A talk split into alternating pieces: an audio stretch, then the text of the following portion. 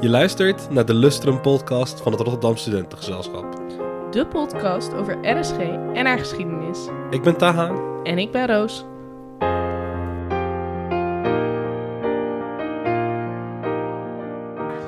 Hi en welkom bij de eerste Lustrum eh, aflevering van de Lustrum Talks podcast. Alweer afleveringetje nummer 5. Eh, voor deze podcast gaan we ook even iets anders aanpakken. We hebben de podcastopstelling eh opgebouwd in eh Alfheim. En er is hier gewoon zo gaande. En mensen kunnen gewoon lekker aansluiten en het hebben over waar zij het over willen hebben. En daar gaan wij gewoon lekker het gesprek, eh, gesprek mee voeren. Roos is helaas niet aanwezig, dus dit keer alleen met mij. Maar eh, ik hoop dat de spontaniteit van, van de SOS-bezoekers kan compenseren voor het verlies. Het is nu vooral heel veel afwachten. Het is een vrij rustig SOS-avondje. Maar het is, het is gezellig. Alfheim is stiekem ook gewoon heel gezellig. Aflevering trouwens met heel veel achtergrondgeluid, heel veel ruis. Dus eh, we kijken wel of dat goed gaat. En eh, als, je dit online, als je dit hoort, betekent het dus dat het goed is gegaan. En eh, dat we gewoon een lekker aflevering hebben kunnen uploaden. Met veel mensen. Iedereen zit een beetje bedenkelijk om zich heen te kijken van... ga ik de eerste stap wagen om de podcast in te stappen? Ik ben benieuwd wie de eerste gaat zijn. Het is nu een kwestie van afwachten.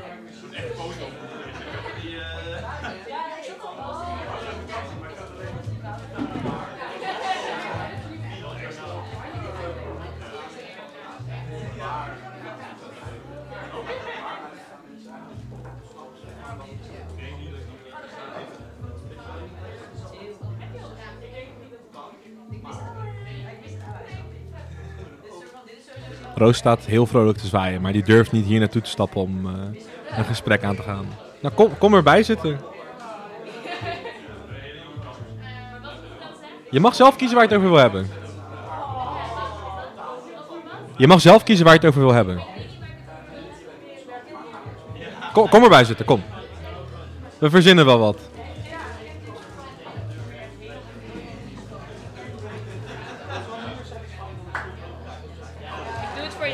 Ah, lief. Ja, zet de koptelefoon op, dan hoor je net zelf iets makkelijker door de koptelefoon heen. Het ding is veel te groot. kan dit ding iets klein? Hij kan kleiner.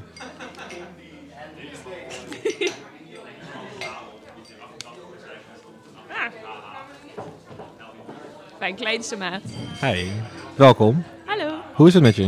Ja, goed. Hoe is het met jou? Ja, best wel lekker eigenlijk. Ja, Ja. Wat gezellig dat je in de show zit. ja ik vind het ook eh, even een nieuw concept. Even proberen. Misschien slaat het aan, misschien niet. Ja. Ja. Nou ja, leuk. Wat vind je van de saus? Het is nu nog een beetje rustig, maar ik hoop dat het wat drukker wordt. Vind je het wel gezellig? Ja, sowieso. Het is altijd gezellig. Vind je het ook gezelliger omdat het in Alfheim is? Ik vind Alfijn wel een gezellig, ja, een gezellige ruimte. Ja. Maar Midgard is ook heel leuk altijd. Dat vind ik ook chill. Ja, dat is wel waar. Maar ik denk dat als je, als je met een kleine groep bent, dan oogt Midgard heel snel Ja, klopt. leeg of zo. En wat ik dus ook heel erg vind toevoegen aan de gezelligheid zijn de gordijnen. Ik vind dat heel gezellig eruit zien. Ja, ik sta met mijn rug naar de gordijnen, dus ik ben even om me heen aan het kijken. ja, ik vind gordijnen ook wel echt sfeer toevoegen. Ja, Dat het echt wel afgesloten voelt van de buitenwereld. Je bent, gewoon even op RSG en je bent niet meer en bij de rest. En het houdt ook de kou buiten. Dus En de kerstlampjes die ze hebben opgehangen met Theahuiscommissie, ook Ja, heel veel sfeer. echt heel leuk. Die moeten echt blijven hangen. Ja, eens.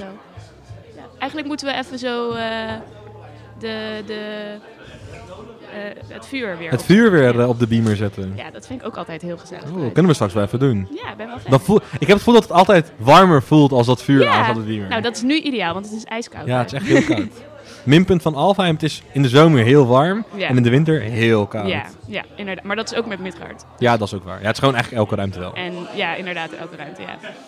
Arme Almanak die nu in Mimir moet zitten. Oh, ik heb Oh. echt medelijden met de almanak. Ja. Ik vind dat we de almanak eh, moeten verplaatsen naar een ander moment in het jaar. alleen zodat de almanak-commissie in de zomer kan werken. Op zich, ik vind dat een goed idee.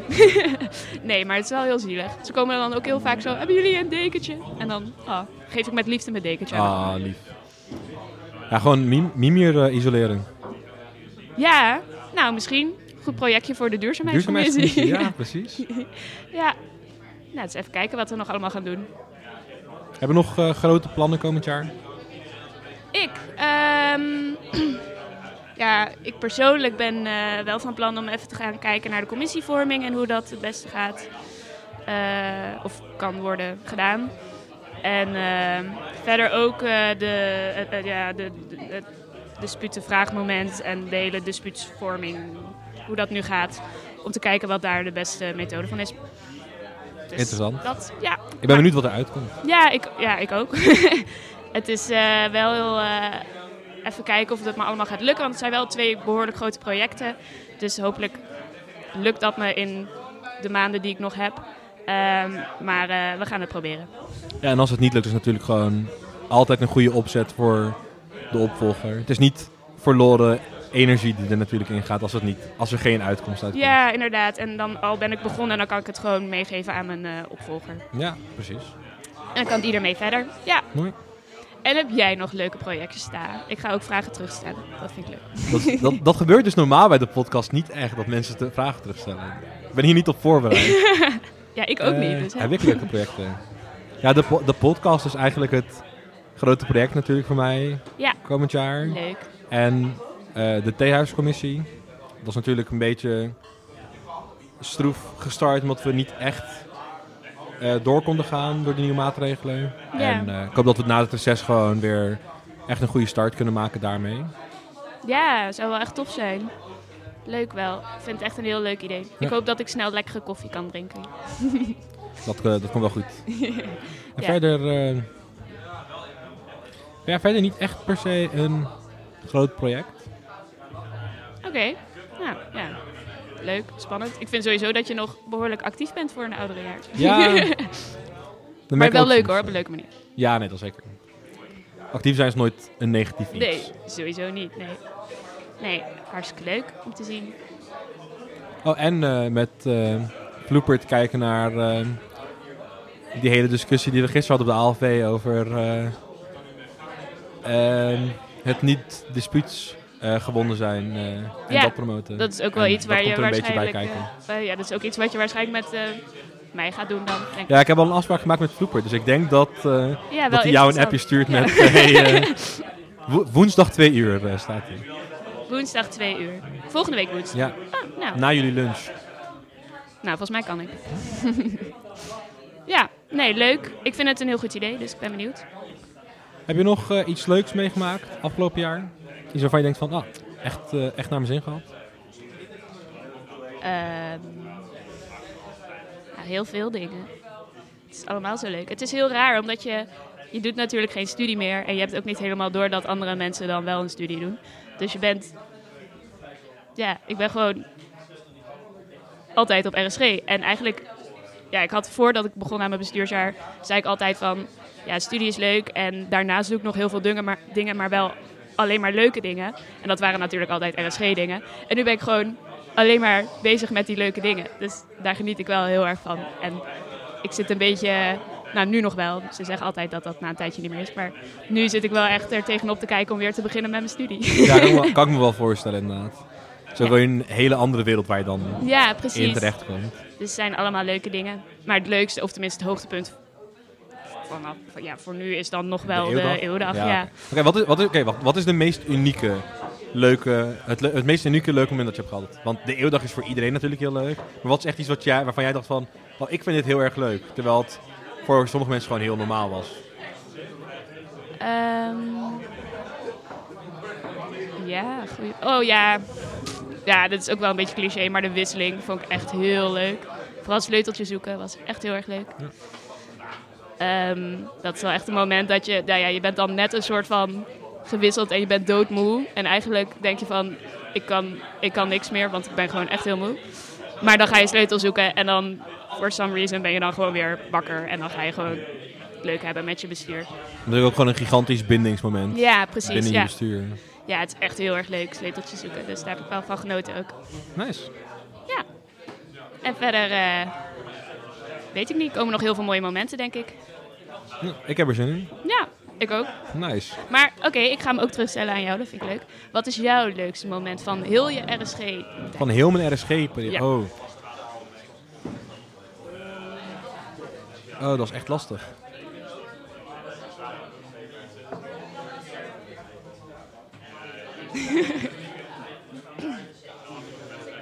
ja. Ik denk eigenlijk dat het hoogtepunt van mijn RSG-tijd nog steeds mijn Kulweek-commissie was. Ik heb in mijn oh, eerste jaar Kulweek gedaan en dat is... Ik vond het echt een superleuke commissie en echt heel veel plezier uitgehaald. En ik was ook eerstejaars, dus dan mag je gewoon fouten maken en het maakt niet zoveel uit als je iets verkeerds doet. En het is zo'n commissie waar je ook heel veel zelf kan bedenken. En ik denk dat dat, gecombineerd met een commissie in je eerste jaar doen, dat het echt heel goed verliep. Ik, vond dat, ik denk dat dat echt wel een van mijn favoriete momenten was. Ja, ik denk dat dat sowieso wel is als je in je eerste jaar bent en dan een commissie gaat doen. Of überhaupt gewoon als je op RSG bent. Dat je dan echt een beetje nog die onervaren chars bent. Die iedereen dan ook zegt dat je bent. En dat je dan gewoon lekker fouten kan maken. En niemand maakt het wat uit. En dat maakt het ook gewoon zo leuk en grappig. En al Ja. die nieuwe, die nieuwe dingen die dan om je heen gebeuren. Dat is gewoon allemaal leuk en Ja. spannend of zo. Dat, precies, en we maken er altijd grappen van met, oh je bent gewoon nog Sjaars en oh je snapt niet, want je bent Sjaars. Maar het Ja. is heel mooi juist om als eerstejaars daar binnen te stromen en te denken van, oh ik kan gewoon alles doen wat ik wil. En ik zie wel wanneer iemand zegt, dit kan niet. En ja, er zijn natuurlijk gewoon grenzen, maar daar gaat niemand echt overheen. En als, het gebeurt, dan wordt er ook wel wat van gezegd. Maar over het algemeen is het gewoon een beetje trial error. Wat werkt nou wel en wat werkt nou niet op zo'n Ja. Ja, nee, echt helemaal mee eens. Chars zijn is eigenlijk, je eerste jaar is eigenlijk gewoon een van je leukste jaren bij RSG. Omdat je gewoon lekker nog alles aan het verkennen bent en zo. Dat is gewoon Ja, helemaal leuk. Ja, Ja. Ik denk in mijn oude, latere jaren dat een van de mooiste momenten was afgelopen verbouwing. Toen hebben we met BC heel veel hele kleine dingetjes opgeknapt. En één daarvan was dat de lichtjes die in de Midgardgang op het ornament schijnen, dat die weer werken. Want daar stonden heel lang lichtjes die niet eens op stroom aangesloten waren. En Ja. daar heeft best wel veel tijd in gezeten. En niemand, niemand die nu dat ding ziet, maar heel af en toe krijg je dan een appje van... Kreeg je een appje in de wc aan het begin van... Oh, sinds wanneer werken deze lampen weer? En dan denk ik van... Ah, nice. Iemand die het heeft gezien. En Oh, het voegt naar mijn idee echt heel veel toe aan die gang ook. ja, dat is wel echt leuk als je dan ook een soort van die waardering krijgt van nice. Ja, precies. Ik heb er echt, ja, echt genoten daarvan in, in enige zin. Ja, dat snap ik wel. Ja, tof. Leuk. Ja. Oké, ik ga er weer vandoor. denk ik. Wil je nog afsluitend iets zeggen tegen de luisteraars? Eh, luister de podcast, want die zijn heel leuk. Nice. Oké, doei. Nou, dankjewel.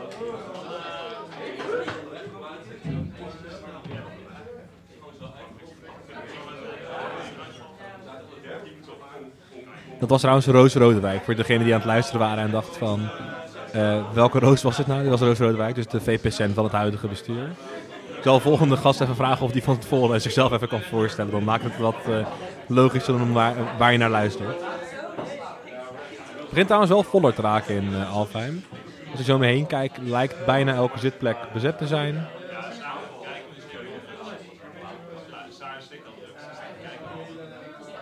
Er komt zelfs Synerga binnen met frituur die ze over hadden bij de open. Dus eh, helemaal fijn.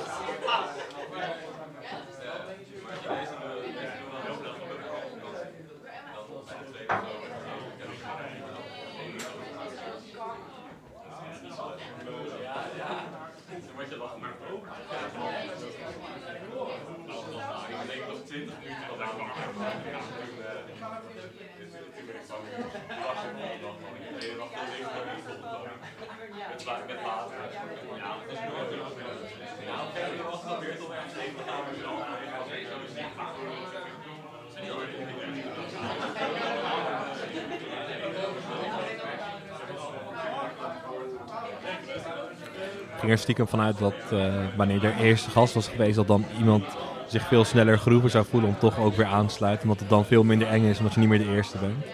Maar eh, mensen blijven toch gewoon eh, een beetje om zich heen borrelen.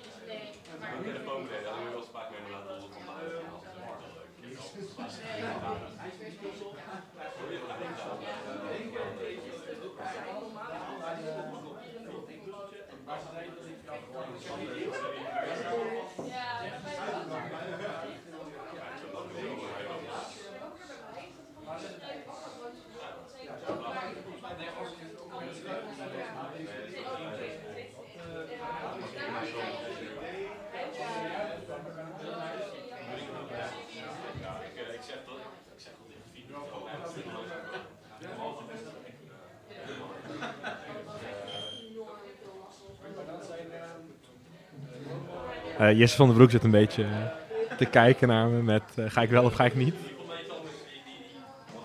Ga lekker zitten, we verzinnen wel iets om het over te hebben. Met Roos ging dit ook best wel soepel namelijk. er wordt nog in geknipt. Ja, er gaat eh, een en ander geknipt worden. En, eh, Oh. vooral de ongemakkelijke stilte steeds, want er zit best wel wat stilte in. Oh, is roostermaat zeker. Ja,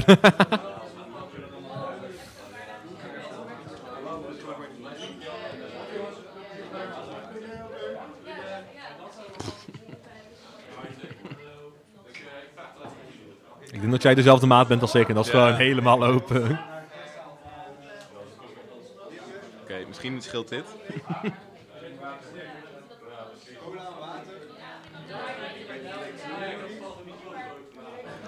Hallo. Hi. Hey, Stel jezelf even voor. Eh, mijn naam is Jesse Je kan, je kan trouwens iets dichter bij de mic. Ja. Of de mic die zich er naar jou toe brengt, dat kan ook. Hallo. Hey, yes. Oh, nu hoor ik mezelf ook. Ja, precies. Eh, mijn naam is Jesse van den Broek. Ik ben eh vijfdejaars lid van het RSG. En eh zeer enthousiast lid. ik weet niet wat ik verder moet zeggen als ik mezelf voorstel. Ja, dat is een beetje lastig. Normaal hebben ze natuurlijk een heel erg thema. Gaan we een heel specifiek persoon op een bepaalde reden vragen. Ja, precies. En nu is het gewoon een beetje aansluiten en even lekker babbelen. Maar ja. Ja, wij kennen elkaar dus heel goed. Dus ik vind het heel lastig om vragen te stellen over jij, jou. jij weet alle weet antwoorden al. Ja, nou, ik vind het in ieder geval heel erg leuk dat jullie, eh, of nou jij in dit geval, eh, in de SOS opnemen. Ja, Dat is toch het mooiste deel van de vereniging, Ja. wat mij betreft. En dan de mooiste socialruimte van de vereniging. Ook dat nog eens, het theehuis. Ja. Het is nog voor zessen Ja, volgens het is, mij. is het nog voor Oh, het is nog voor zessen. Het is nog theehuis. Maar vertel, eh, hoe, wa- waar kijk jij dit jaar het meest naar uit? Los, los van het lussen, want dat is natuurlijk de, het main Oh, dat is, dat is het antwoord dat iedereen... niet gegeven. Ja, dat, dat is natuurlijk Nee, hetgene waar iedereen naar uitkijkt, maar er is vast wel iets wat heel persoonlijk is voor jou, waar jij heel erg naar uitkijkt, ten opzichte van de rest. Nou, we hebben dit jaar natuurlijk ook eh, Lustrum van het pand waar we ons in bevinden. Eh, dat loopt gelijk met het RSG Lustrum. En eh, aankomend jaar zitten we 55 jaar in eh Asker 5. En een werkgroep van de beheerscommissie gaat daar ook hele toffe activiteiten voor organiseren. Volgens mij weet jij daar ook een hoop van af. Ja, ik zit dus in die werkgroep, inderdaad. Ik kan zelfs even opzoeken welke datum dat is. Dan gaan we gewoon gelijk de eerste promo eruit gooien. Nou, dat lijkt me fantastisch. gaan we even Want, kijken. want in tegenstelling tot voorgaande pandlustera worden dit jaar ook dingen georganiseerd voor de hele vereniging. En gaan we niet alleen de BC erbij betrekken. Dus komt dat zien op de data die Ta zo meteen eh, aan jullie gaat noemen. Dan hebben we het natuurlijk over de week van 18 tot en met 22 april. Het lag op het puntje van mijn tong. Ja. Ik ben blij dat jij het zegt. Precies, ik, ik zag je al nadenken. ik dacht, ik zeg hem even snel. Ja, nee, gewoon een beetje een weekje in het thema van 55 jaar Asker 5. Ja, Langer in dit pand dan alle andere panden bij elkaar opgeteld. En dat is stiekem wel iets om te vieren. We Ja. al Dat gaan we ook nog lang zo houden, hoop ik. Ja, ik hoop het ook. Ja, best wel, ja, we zijn stiekem best wel goed geworden in het pand beheren. Tegenwoordig kunnen we wat. Ja, ja nou ja. Ik, we zijn- we zijn altijd een beetje aan het, eh, aan het lachen en aan het grappen maken dat de BC vooral zijn eigen klussen creëert natuurlijk. Maar Zeker. stiekem, ehm, stiekem wordt er best wel veel gefixt. En soms op grootschalig niveau, eh, soms op wat kleiner niveau. En het is ook heel belangrijk dat je natuurlijk niet alles zelf moet doen. Want ehm, kijk, zo'n, ehm, het bouwen van zo'n nieuwe tourbar, dat kunnen wij helemaal niet op RSG. En dat is mooi dat we dat weten en dat we het niet zeggen van laten we het gewoon doen. Nee, maar dat is ook het mooie dat je gewoon de taakverdeling hebt binnen met name je BCB, maar ook gewoon als vereniging zijnde dat je ook gewoon externe partijen hiermee eh, betrekt in je plannen. Ja, dat, ja, dat inderdaad. Het is gewoon een heel belangrijk iets om niet alleen goed te zijn in iets, maar ook te weten wanneer je niet goed genoeg bent. Oh, absoluut. En ik denk sowieso dat eh, de kwaliteiten van de BC de afgelopen paar jaar echt wel eh, aanzienlijk omhoog gegaan zijn. Dat er steeds meer daadwerkelijk wordt nagedacht over wat we doen. Ja, precies. Ja, nee, ja, dat mag ook natuurlijk wel. Want het is natuurlijk gewoon een eh, prachtig pand en zou zonde zijn als dat door een beetje ja, onprofessionaliteit teniet wordt gedaan in enige zin. Nee, absoluut. Heb je een eh, klus waar je het eh, meest naar uitkijkt? Of waarvan je denkt van, dit wordt de klus van het jaar? Ja, misschien dat de luisteraars al een beetje beginnen te lachen. Maar iets wat natuurlijk al jaren voorbij komt is het sanitair, het pand. Dat is gewoon niet in een allerbeste staat. En waar het een paar jaar geleden nog alleen maar cosmetisch was, is het tegenwoordig ook gewoon eh, het functioneren van alle toiletten die, dat steeds problematischer wordt. Dus ja, ik hoop dat we aankomend jaar dat daadwerkelijk aan kunnen pakken. En we zijn al eh, goed bezig met alle voorbereidingen. Dus dat zou ik heel tof vinden. En verder, eh, ja, het pand natuurlijk zoveel mogelijk lustrumweken klaarmaken. Aan alle details wordt gedacht. heel veel zaken worden opnieuw geschilderd. En net even een tandje mooier gemaakt. Ik, eh, ik heb jullie al bezig gezien, bezig gezien en eh, best, wel, eh, best wel mooi. Ja, heel, veel, Ja. Heel, heel, waarschijnlijk hebben de kijkers het nog nooit eerder gezien en is het vooral iets waar we zelf eh, heel veel op letten. Dus ik ga het even benoemen en als je volgende keer op RSG loopt, kijk hier even naar. Maar we zijn hier vorig jaar natuurlijk al een beetje mee begonnen. Absoluut. Alle kozijnen in het pand waren vroeger crème wit. Er is Lelijk. geen enkele kleur lelijker dan crème. Het lijkt gewoon alsof iemand namelijk iets wit heeft geverfd en er toen gewoon rotte zalm overheen heeft gevreven. Eh, maar ja, we hebben vorig jaar natuurlijk alles of gebroken wit of normaal wit geverfd. Hm. En dat heb jij doorgezet door ook de kozijnen aan de buitenkant van het pand natuurlijk mee te pakken. Ja, we Dus- zijn ook heel veel met uh, gevelonderhoud bezig dit jaar. Ja, precies. Nou, mocht je luisteren en denken van... Waar moet ik nou echt een keertje op letten op de shows? Loop gewoon even naar die deurkozijn en kijk even hoe fucking mooi ze zijn. En over opletten in het pand gesproken. Er is recent een Speak-app post uitgegaan vanuit de beheerscommissie met een vorm over goede ideeën over klussen in het pand. Mocht je nou als lid door het pand lopen en denken, oh dat is echt super lelijk of oh hier zou de beheerscommissie echt een keer naar moeten kijken, laat het vooral weten. Dan gaan we ermee aan de slag. Lekkere promo. We zijn weer lekker aan het promoten, Ja, zoals heerlijk. altijd. Ja, Was dit BC Talks of Lustrum ja, Talks? nou, ja, hetzelfde toch? ja. Ja.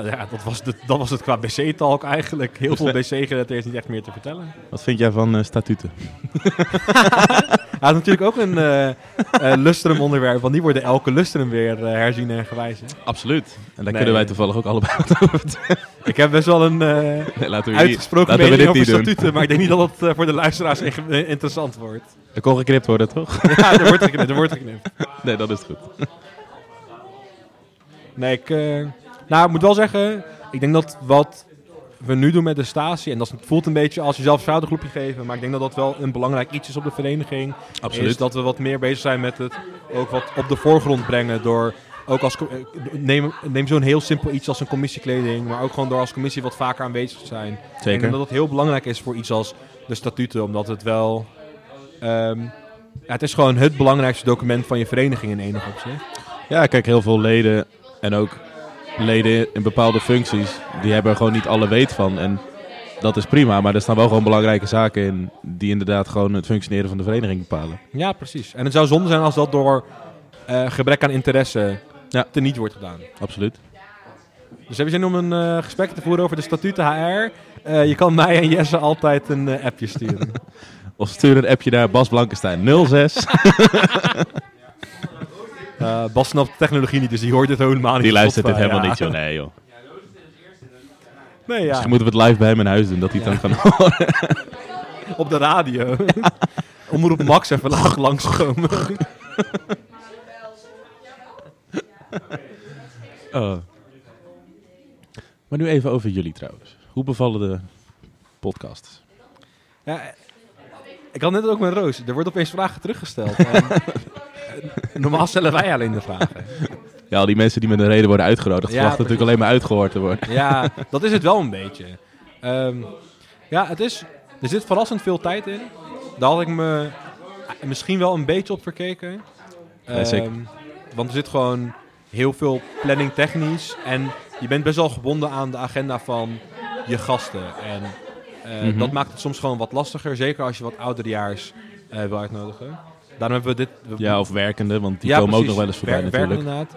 Ehm, dus we zijn ook overgegaan op een gegeven moment van twee afleveringen in een week opnemen naar drie afleveringen in een week opnemen. Want dan Mhm. zit er gewoon een langere periode tussen elke opnamesessie waarin je gewoon kan, eh, contact kan hebben met eh reunisten, leden, ouderejaars Ja. die gewoon wat lastiger zijn met de planning.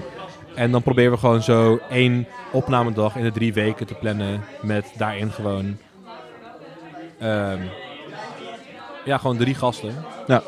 Eh, maar het is wel echt heel leuk. Je leert ook wel veel, veel weten. Ja, je leert gewoon veel over de vereniging waar je niet zo snel bij stilstaat of zo. Omdat je Nee, dat lijkt me wel, ja. gesprekken voert die je normaal niet per se voert. Dat zijn wel de... Oh, Oké, ik ga nu heel raar praten. Ik heb, ik heb al een aflevering opgenomen met Cas. maar die komt voor de luisteraars dus pas volgende week eh, online. En komt deze eerder online? Ja, deze komt eerder online. Ehm, maar we hebben dus een aflevering met Cas. En ik, heb, ken, ik ken Cas gewoon echt als hele goede vriend van me. En we hebben het ook gewoon over leuke dingen. Maar ook over de eh, struikelblokken. Over eigenlijk alles wat je tegenkomt op RSG. Maar ehm, we hadden het over de Lustrumaalmanak. En dan heb je het er weer over, heb je het opeens over een hele andere hoek van die commissie. Dan waar je het op een vriendschappelijke manier over hebt. En ja, niet meer die zin- small talk die je samen de bar hebt, maar echt wel wat diepgaander. En Ja, dat er dingen naar voren komen die je normaal niet zou beseffen. Ja, dat, dat inderdaad. En dat, dat, dat vind ik een heel mooi iets. En ik, vind, ik weet dat Roos het heel fijn vindt om op deze manier wat meer van de tradities mee te krijgen van Ja, RSG. snap ik. Want ja, Ja. je, Zij gewoon- hoort natuurlijk nog veel meer nieuws dan jij. Dat Ja, is voor, ja verschil. voor haar is alles inderdaad nieuw. Maar het is ook wel goed dat je dan inderdaad qua presentatoren twee invalshoeken hebt eigenlijk. Dat zij zo hele andere vragen stellen en bedenken dan jij. En dat is ook wel, dat is ook wel wat. eh, ik, heb, ik, ik heb het eh, idee toen nog een tijd geopperd bij de eeuwcommissie. En toen was er ook gezegd van ja, vinden we wel leuk, maar ehm, je moet het wel zelf doen. Dus je, mag, je hebt er gewoon een beetje de autonomie in, want ze hadden er geen tijd voor. Wat ook gewoon begrijpelijk is, want Ja, absoluut. dit was eh, geopperd twee weken voor de eeuwweek. Voor de eeuwdag. Toen waren ze redelijk druk volgens Ja, mij. precies. Ehm, en toen ging ik gewoon even kijken met ehm, wat, wat zoek ik. En ik dacht, het is eh, handig om daar een jongerejaars tegenover te zetten. Ehm, Ja. Want ja, de ervaring komt al best wel veel vanuit mijn hoek. En toen was het al een beetje eerstejaars, tweedejaars. Omdat die natuurlijk een hele eh, andere kennis van RSG hebben. Hebben vrij blank vel in dat zin. Dat ze nog niet echt heel erg RSG hebben meegemaakt. Ja, derdejaars Eh, en ouder hebben natuurlijk de vereniging al veel meer meegemaakt dan inderdaad Ja, eerste en precies. tweedejaars. Die hebben ook een mening bijvoorbeeld over dingen. En, die hebben, Ja. en dat is met iemand die een, geen mening heeft dan eh, ko- kom je wat objectiever achter dingen.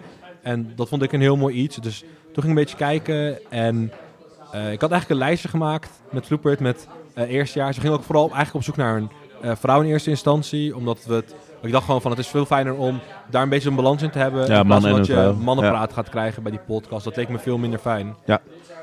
En toen hadden we eigenlijk een lijst met een paar vrouwelijke eerstejaars. En Roos stond daar helemaal niet op. En ik was een beetje door het tor aan het lopen.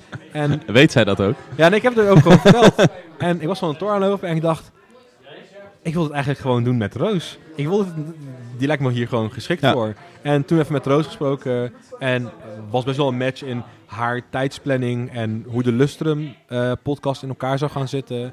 En zij vond het ook heel interessant. En ze heeft ook wel een hele duidelijke stem. En toen was het gewoon van, nou, laten we dat gewoon... eh, Ja, prima combinatie lijkt me. ja, precies. Je wordt opeens heel stil en ik mensen die deze kant op Ik kijken. vind het ook heel ongemakkelijk. Nee, ik denk dat we een... eh zijn Jullie mogen zelf ook, hoor, dames. kijken om, ongemak, om het ongemakkelijk te maken. Dames en heren, jullie mogen zelf ook. Ja, ik hoorde Jullie dat aanschuiven. hierna komt aanschuiven. Lijkt me duidelijk. Ja. Is er nog iets wat je aan de luisteraars wil meegeven? Een soort van eh, sluitende, sluitend, sluitende boodschap. Nee, nou, dankjewel dat je even komt aansluiten dan. En eh, graag gedaan. eh, ik zie jou zaterdag bij mij thuis. ja, gezellig. Wat gingen we ook weer eten? Ja, dat weet ik nog niet. Geen champignons. nee, geen champignons. Nee. Ja, Bas Blankstein vindt die niet lekker. Ah, gezeik ook. Die hoort dit toch niet. Nee, ik maak, wel wat leuk, ik maak er wat leuks van. Komt goed. Oh, ik vind het echt leuk.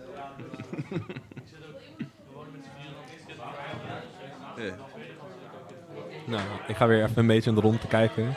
Probeer ik oogcontact te maken met mensen. Want als je oogcontact met ze maakt, dan gaan ze opeens heel raar kijken. En dan kan je ze er een beetje in pushen. Ja, Robin probeert eh, echt oogcontact te vermijden. Die schuift je hoofd ook steeds achter. Ik denk dat eh, de kwestie sociëteit heel graag wil. Want dat is altijd zo'n spraakwaterval van je welste. Daar zijn ze bekend om, hè? Ja, absoluut. Smalltalk. Centjes, centjes, centjes. Misschien een van de EED'ers. Zou kunnen. Hoe is het om EED te zijn in een lustrumjaar? Ja, precies. nou, op zich, hoe is het om EED te zijn op een aangepast moment? Dat is We ook. hebben natuurlijk gewoon, ik heb gewoon gema- meegemaakt van 4 tot 12. Ja, Zij mogen om 8 uur naar huis. Je hoeft niet eens af te, er wordt niet eens meer gekookt, je hoeft niet eens af te Wat is jouw leven eigenlijk? Dus ik had geweten dat ik mijn EED's gewoon vijf jaar uitgesteld hoor. nee, dat is niet waar. Wel, zijn wel vier jaar wel- geschorst. Die, eh, die lange EED's zijn stiekem best wel fijn om eh, in je eerste jaar wat meer ouderejaars te leren kennen. Ja, je leert veel meer mensen kennen. Maar ik ben zo Op speel een- small talk aan de bar. Op een speelsere manier. Ja. Ja. Ik denk trouwens wel dat de luisteraars nu een speciale aflevering van BC Talks gaan eisen. Maar Ik eh, denk dat een aflevering van BC Talks prima te regelen is. Eh, ik weet namelijk wie de voorzitter is van eh, het Pandlustrum werkgroepje. Dat is toevallig een goede vriend van mij. ik ken dus ook de VP Pand best wel goed. ik ken de VP Pand best zo goed. Dus ja, dan krijgen we daar best wel een leuk groepje in. nou, ik ga gewoon een van de EED'ers eh deze kant op eh tikken, denk ik. Dat lijkt me goed.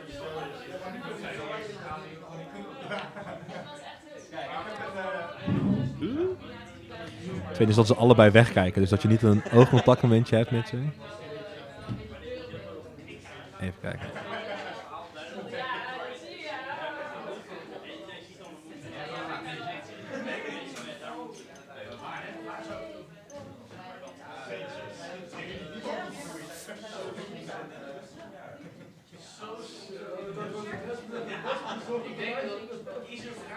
Mart zei ook toen hij ging zitten, na dit gesprek kom ik aansluiten. Maar volgens mij is Mart een beetje gevlucht. Ik zie hem, eh, ik zie hem namelijk niet meer. Oh, oh kijk, ik heb, een, eh, ik heb de kiesok, eh, ik heb de kiesok die deze kant op komt. Moet ik de koptelefoon opzetten? Ja, het is makkelijker om jezelf te horen. Wel niet? Ja, ja. Nou, Hallo. hi. Oh, dit is heel vreemd. Ja, stel jezelf even voor. Wie ben jij? Nou, ik ben eh, volledige naam. Eh, waar jij je comfortabel bij voelt. Ik ben eh, Simon Verbraak, QSOC van het 101ste RSG-bestuur. En dat geboren in Eindhoven. Of vlakbij Eindhoven. Dus dat is een beetje wie ik ben. En ik kom hier praten over de, de omzet in een lustrumjaar blijkbaar. Kom je daarover praten specifiek? Nou ja, ik, ik heb gehoord dat daar veel vraag naar was. Dus ik dacht, nou ja, dan doen we dat gewoon. Oké. Ik, ik, heb ik heb niet meegekregen waar die vraag vandaan komt, dus eh, ik zou ook niet weten wat mensen willen horen. die vraag die kwam van de heer Van der Broek. eh. Oké, ja.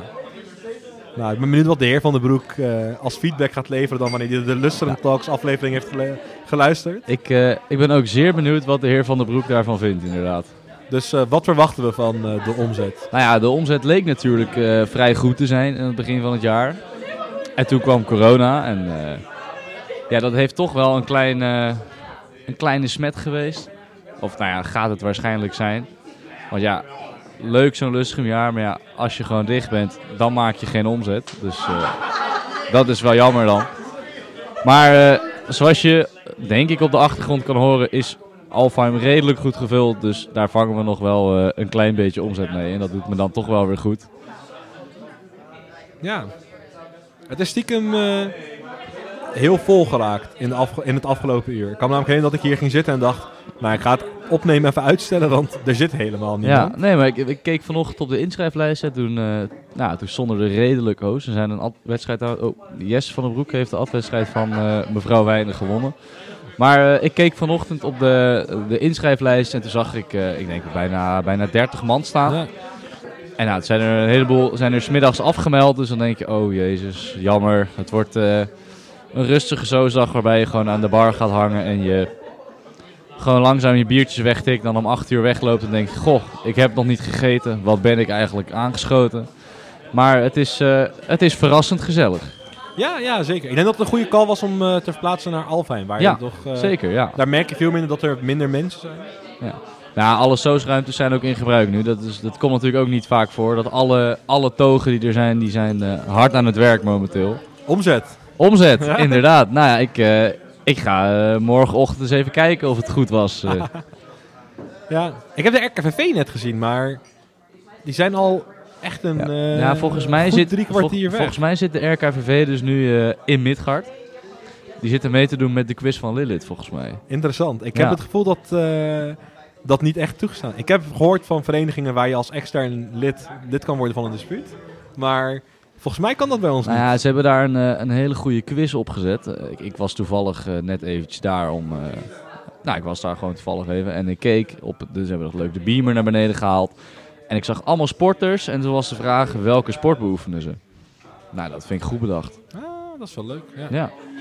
Had, moest je je broek uittrekken toen je binnenkwam? Nee, nee, Oh. nee. Ja, ik heb wel in mijn eerste jaar als, als aspirant lid tijdens de KMT hadden we de, de, nou ja, de dispuutspresentaties. En toen, toen kwamen we ook bij Lilith.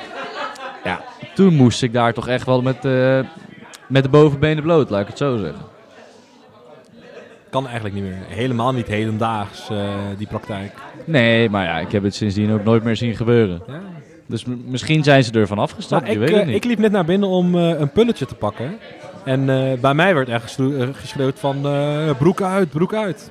Maar ja, En heb je hem uitgedaan? Nee, ik vind dat je niet zo kan praten tegen mannen. Ik vind dat Nee, dat een hele ja. denigrerende Dat manier is om inderdaad mannen als erg- lustobject te zien. Erg denigrerend. Maar ja, ze doen het toch, hè? Ja, En wat doe je daar dan tegen? ja, niks. Niks. Negeren. Negeren schijnt dus het beste te helpen. Ja, gewoon doorlopen, hè? Ja. Gewoon, gewoon net doen alsof ze er niet zijn. Ja. Ja, wel een eh, ding om natuurlijk bij stil te staan. Mannelijke eh, mentale gezondheid. Ja, Het is zeker. eh, Ja. november. Er zijn vanuit RSG, vooral vanuit de Raad, meerdere mannen bezig natuurlijk met eh, geld inzamelen voor het goede doel. Voor de mensen die november niet kennen. eh, november is een maand waarin eh, ja, november de, de mannen van tevoren snor afscheren. Deze laten groeien voor... ehm, ik weet niet hoe de, hoe de stichting officieel heet. Maar die stichting zamelt geld in voor onderzoek naar prostaatkanker, teelbalkanker. Ja, teelbalkanker volgens mij, ja. En volgens mij tegenwoordig ook prostaatkanker. Ah, en en ja. eh, tegenwoordig zelfs het, de mentale gezondheid van, eh, van de man. En eh, ja, waarschijnlijk heb je al een linkje langs zien komen op SpeakApp van eh, de raad om daarvoor voor in te zamelen. Nee, zeker. Ja, ik heb ook een heleboel eh, raadsmannen gezien met eh, snorren waar je u tegen zegt. Ik heb eh Trucker Cas eh, gezien laatst. Nou, Eh, dat was... eh, het, staat, het staat hem wel. Dat hij hij kan het hebben, hij kan het hebben. Nee, maar Jordi kwam vandaag de Senaat in en toen dacht ik ook, ja... Jij hebt de snor die jij normaal niet zou hebben. Ja, precies. Maar ja, het mooie ding dat die mannen zich natuurlijk inzetten voor zo'n belangrijk topic. Ja, zeker. En als je ze hebt gezien, ehm, maak even een, eh, een tientje. Ja, doneer. zo. even. Doneer even wat eh, naar het goede doel. Ja, nee, ik, eh, ik ga aan het eind van de maand even kijken hoe vaak de, de Movember-meter is besteld. Want voor de mensen die dat niet weten, we hebben hier een, eh, een speciale meter voor je biertjes, de Movember-meter, in de vorm van een snor. Eh, daar zitten twee biertjes minder in dan normaal. En je betaalt wel een normale prijs. En dat verschil, dat wordt dan eh, vanuit de sociëteit overgemaakt naar eh, de Movember Stichting als donatie aan Movember. Dus ik ben heel benieuwd eh, hoe actief de RSG'ers daar betrokken bij waren. Ik ben En- benieuwd. Ik heb het gevoel dat hij eigenlijk elk jaar best wel, best wel besteld wordt. Ja, we hebben nu natuurlijk helaas geen toravonden echt. nee, meer. dat is, ja, we hebben één of twee autoravonden gehad volgens mij, waarbij het nog wel, Oh ja, klopt. Ja, wel ja. kon. Maar ik ben benieuwd. eh, mooi concept. Mooi concept. Ja, het is, heel, het is echt heel goed bedacht, vind ik. Het is een, een hele gemakkelijke manier om toch te doneren. Ja, precies. Dan, Heel vaak als je meethaalt, maakt, maakt niet echt uit of je nou 12 of 14 krijgt. Dus ja, nee, dan, dan het goede doel maar supporten. Kijk, in je eentje ga je het toch niet helemaal opdrinken. Dus je deelt het sowieso. En die twee biertjes, die mis je dan niet. En ja, als je dat eh, een aantal keer doet, dan krijg je eh, vrij gemakkelijk een, een redelijk goed bedrag voor- om naar het goede doel te doneren. Ja, dat is natuurlijk hartstikke mooi. Zeker. Maar ik ben benieuwd of eh, in de aankomende jaren een, een opstartende MBC misschien daar ook wat mee zou kunnen doen met Movember. Ja, eigenlijk best wel een, best wel een goeie. Ja, Volgens mij is daar nooit echt bij nagedacht, omdat, omdat het altijd wel wordt gedaan door de raad. Maar dan wordt het toch wel binnen de raad een beetje... ja het wordt, het wordt, het wordt heel erg binnen de raad gepromoot. En er wordt wel gezegd, oké, doe allemaal berichtjes op SpeakApp en laat mensen, of zorg ervoor dat mensen gaan doneren. Maar ik denk misschien als je het eh, via een RSG-commissie een stuk breder trekt, dat je een heel veel groter publiek hebt ook. Zeker. Misschien kunnen we zelfs iets met eh, de andere verenigingen... Ja, misschien, misschien kan de RKVV er wat mee, of eventueel met CVA zou ook nog wel kunnen. Ja, precies. Nou, het is in ieder geval een mooi, mooi iets wat er gebeurt. En eh, uitbreiden is natuurlijk altijd, eh, altijd een optie. Ja, als het om goede doelen gaat, is, eh, is niks te groot. Zeker. Ja. Mooi gesproken. Ja. Zo, ik ga even een slokje bier nemen. Dat mag je doen. Ik ga even een stokje cola zero nemen.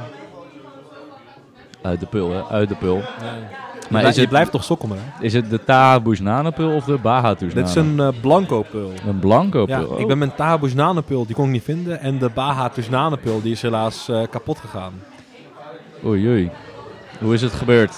Eh, tijdens de zooidienst. En dan denk je waarschijnlijk van, nou, dat gebeurt door het zooien. Hij stond gewoon op de bar en iemand legde per ongeluk zijn pul erop. En toen eh barst erin. Oh ja, dat, dat is wel vrij zuur. Ja, dat is wel jammer. Ja. Maar ik heb eh, Robin, eh Robin geappt, de, de VP-sok. Ja, ik heb, Eh, ik heb gehoord dat de VP Sok een, eh, een lijstje heeft met, met pullen die die, die die gaat bestellen binnenkort. Dus ik krijg, ik, krijg Hij, sta- hij staat erop. ik krijg als het goed is zelf ook een nieuwe pul. Ik krijg, ik, mijn, ik, de bij, mijn bijnaam binnen het bestuur is, is Pipi. En, dus ik krijg de Pipi-pul met drie keer de hoofdletter P. En onze lieve CC krijgt de Floepert Knoepert pul. Want dat is gewoon een geweldige naam. En, eh, laat maar aan, Robin krijgt het blubberbaas. Blubber Boris. Oh, Blubber Boris. Ja, ja, ja. Nou Ja. ja, ik heb, eh, het was natuurlijk de zooipul, eh, mijn Bahatus nanenpul. Dus ik heb ook een expliciet verzoek gedaan of de Bahatus nanen ondersteboven erin gegraveerd kan ja, worden. en terecht. Maar is het misschien niet een idee dat je dan... Want we hebben altijd heel veel eh zooipitchers op RSG. Er zit een sticker op met zooipitcher. Ik heb nog een heleboel stickers met zooipitchers op mijn bureau in de Senaat. En ik weet, anders heeft de CC een heel mooi labelapparaat. Misschien kan die een label met zooipul maken. Dat het voor de hele vereniging duidelijk is dat dat een pul is waar je mee kan zooien. Ja, maar dan, ik wil het wel mijn zooipul houden. Ik heb er toen ook zelf voor betaald. Dus Aha. eh, Aha. Ja, dan zouden we misschien eh Baha Toesnane zooipul kunnen neerzetten. Ja. Dan is het voor de vereniging wel overzichtelijk dat het een zooipul is, maar dat het ook wel jouw Dat zooipul mijn zo. is. Ja, goeie, goeie.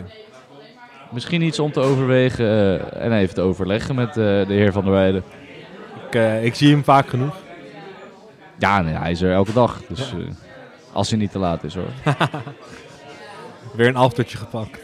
De afterdienst die weer gefaald heeft. Nee, nee, nee dat was, dat was eh, een leuk grapje binnen ons bestuur. Maar het is nooit zo echt geweest dat we hem hebben moeten weerhouden van de after. Want hey, het is een hartstikke gewone jongen. En een leuke jongen. Het is een schatje. Ja, daar ben ik wel mee eens. Kan ik me bij aansluiten. Hij heeft precies genoeg bierpens om hem te knuffelen. zeg Kan je wel wat van leren. Ja, ik, ik, doe, ik doe echt mijn best. Maar eh, ja, mijn, mijn stofwisseling is gewoon te goed, denk ik. Ja, Dus ik, ik eet en ik drink en ik doe maar wat ik wil. Ik sport niet. Ik, eh, ik ga ook niet vaak wandelen of zo. Ja, ik kom gewoon niet aan. Dus ik ben eigenlijk aan het wachten tot, eh, tot dat omslaat. En ik waarschijnlijk ergens in mijn dertigste, veertigste opeens super lang en super dik ben. Nou ja, ik ben heel benieuwd hoe dat eruit gaat zien. ik eh, kan me daar ook geen eh, mentaal beeld bij schetsen. ik ook niet. Maar ja, dan is de, de cartoon, die eh, waarschijnlijk de hele vereniging heeft gezien van onze bestuursfoto's. De foto waarbij ik er met kop en schouders bovenuit steek. eh, ja, die zou dan wel irrelevant geworden zijn. En dan begin ik misschien eh, steeds meer op... Ja, dan moet ik even gaan zoeken naar een, een lang, dik cartoonfiguur. Ik zat eerst, even, ik zat eerst te denken aan die, eh, die guy van... Hoe heet het? Despicable Me. Die, ja, ik weet even niet hoe die heet. Oh, Van de Minions. Dan, Gru. Gru inderdaad. Maar volgens mij is, is die ook niet zo dik. Ja, het is vooral heel breed in de schouders.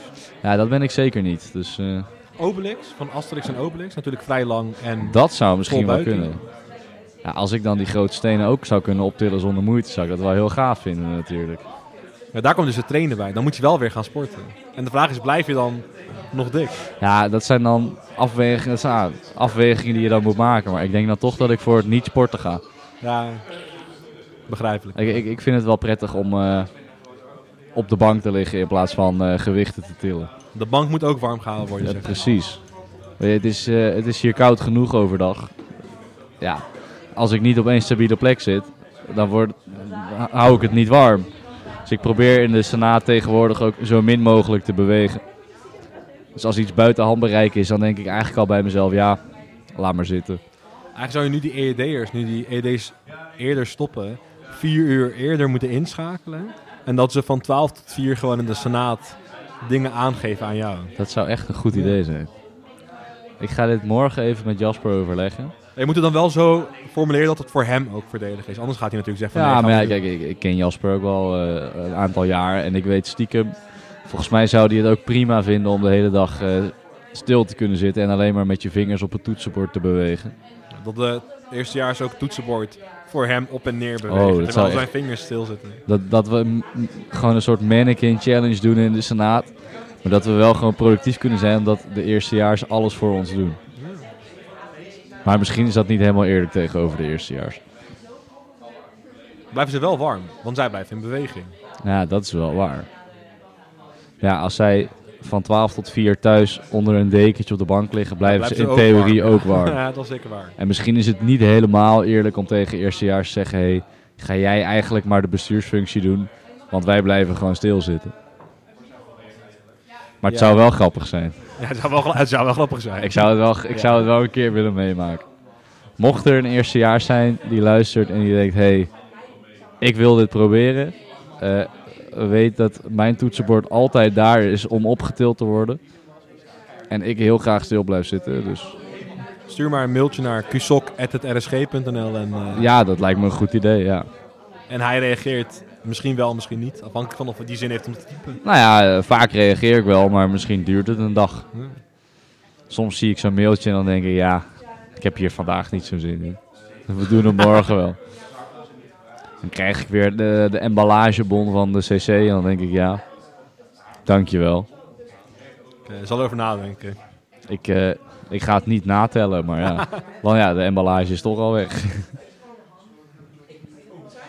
Ik, ik zit dus hier even rond te kijken in de sociëteit en eh, ik heb zo'n vermoeden dat de heer Ummels een goed verhaal heeft. Ja, ik hoorde ook dat Mart het volgende, Ja. de volgende gast zou zijn. Ik zal hem eens even aantikken. Kijk, eh, heb je nog afsluitende woordjes voor de luisteraars? Nou, afsluitend woordje voor de luisteraar is eh, natuurlijk doneer aan Movember. Of een ander goed doel, want misschien luister je dit wel na Movember.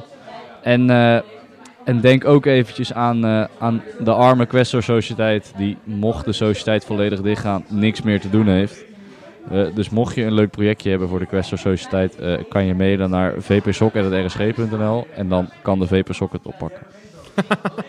Nou, wijze woorden, wijze woorden. Wijze woorden. Dan ga ik nu eens even de heer Ummels aantikken. Dankjewel nog.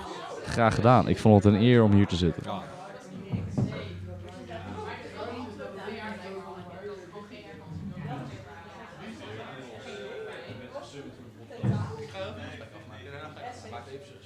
Ja, Mart zegt nu al drie keer tegen mij, ik maak even mijn gesprek af en dan kom ik, eh, dan kom ik zitten. Maar eh, hij is weer zijn gesprek aan het afmaken eerst.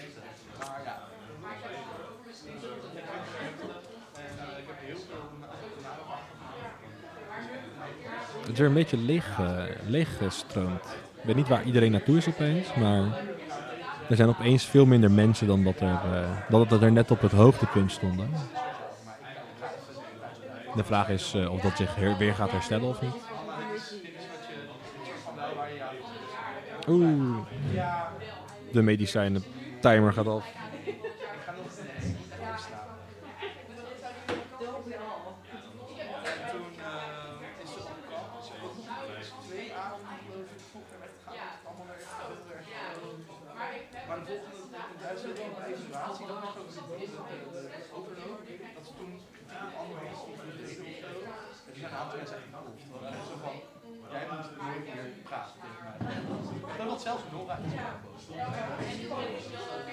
Ja, nu is het dus weer, eh weer verwachten totdat iemand zich geroepen voelt om te komen. Er zijn weinig mensen om oogcontact mee te maken. Dus dat gaat nu weer een beetje lastig om eh, mensen op die manier hier naartoe te lokken. Maar er komt vast wel, eh, komt vast wel iets.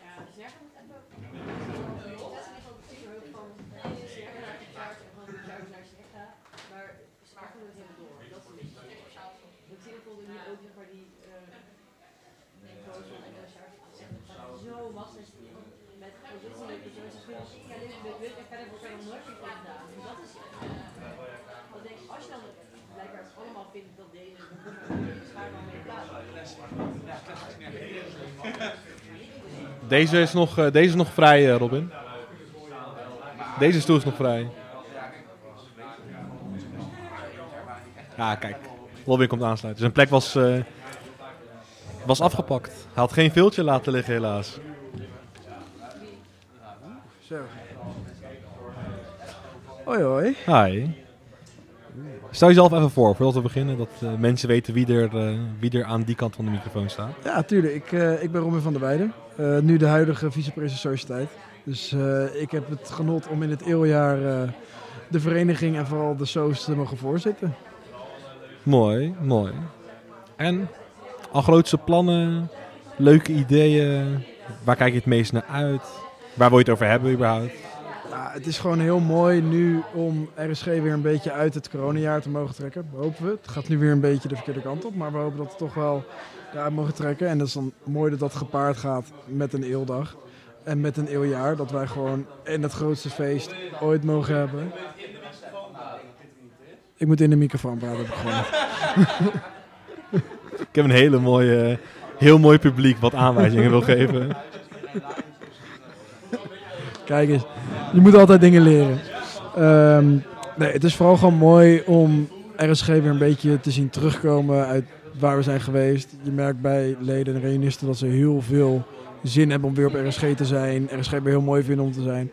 En dat is kut dat je weer een paar maatregelen krijgt die je terugdringen. Maar nog steeds hebben we leuke middagsozen waar veel mensen komen. Ehm, dus dat is vooral het mooiste van nu het sociëteitsbestuur zijn. Dat je gewoon de soos weer een beetje kan terugtrekken en kan zorgen dat mensen weer hier willen zijn. Dat is echt mooi. Ja, mee eens. Ik denk dat het ook wel eh, de charme is van dit jaar. Dat het 100 jaar bestaan waarschijnlijk, hopelijk gepaard gaat met langzamerhand uit die sleur komen waar we te- terecht zijn gekomen vorig jaar. Ja, dat denk ik ook. Het is gewoon eh, dat je heel erg merkt dat mensen dingen zijn verleerd en dat niet meer weten. En dan is dat eh, toch fijn dat je nu weer op een manier kan leren van hé, zo ging het ook weer, zo was het. Het tweede jaar is die natuurlijk nooit echt een normale soos hebben meegemaakt voor dit jaar. Dat wel hebben kunnen doen, dan maar tot 12 uur, maar in ieder geval gewoon normale middagsavonden. Dat je lekker met je commissie eh, aan de bar spelletjes gaat doen.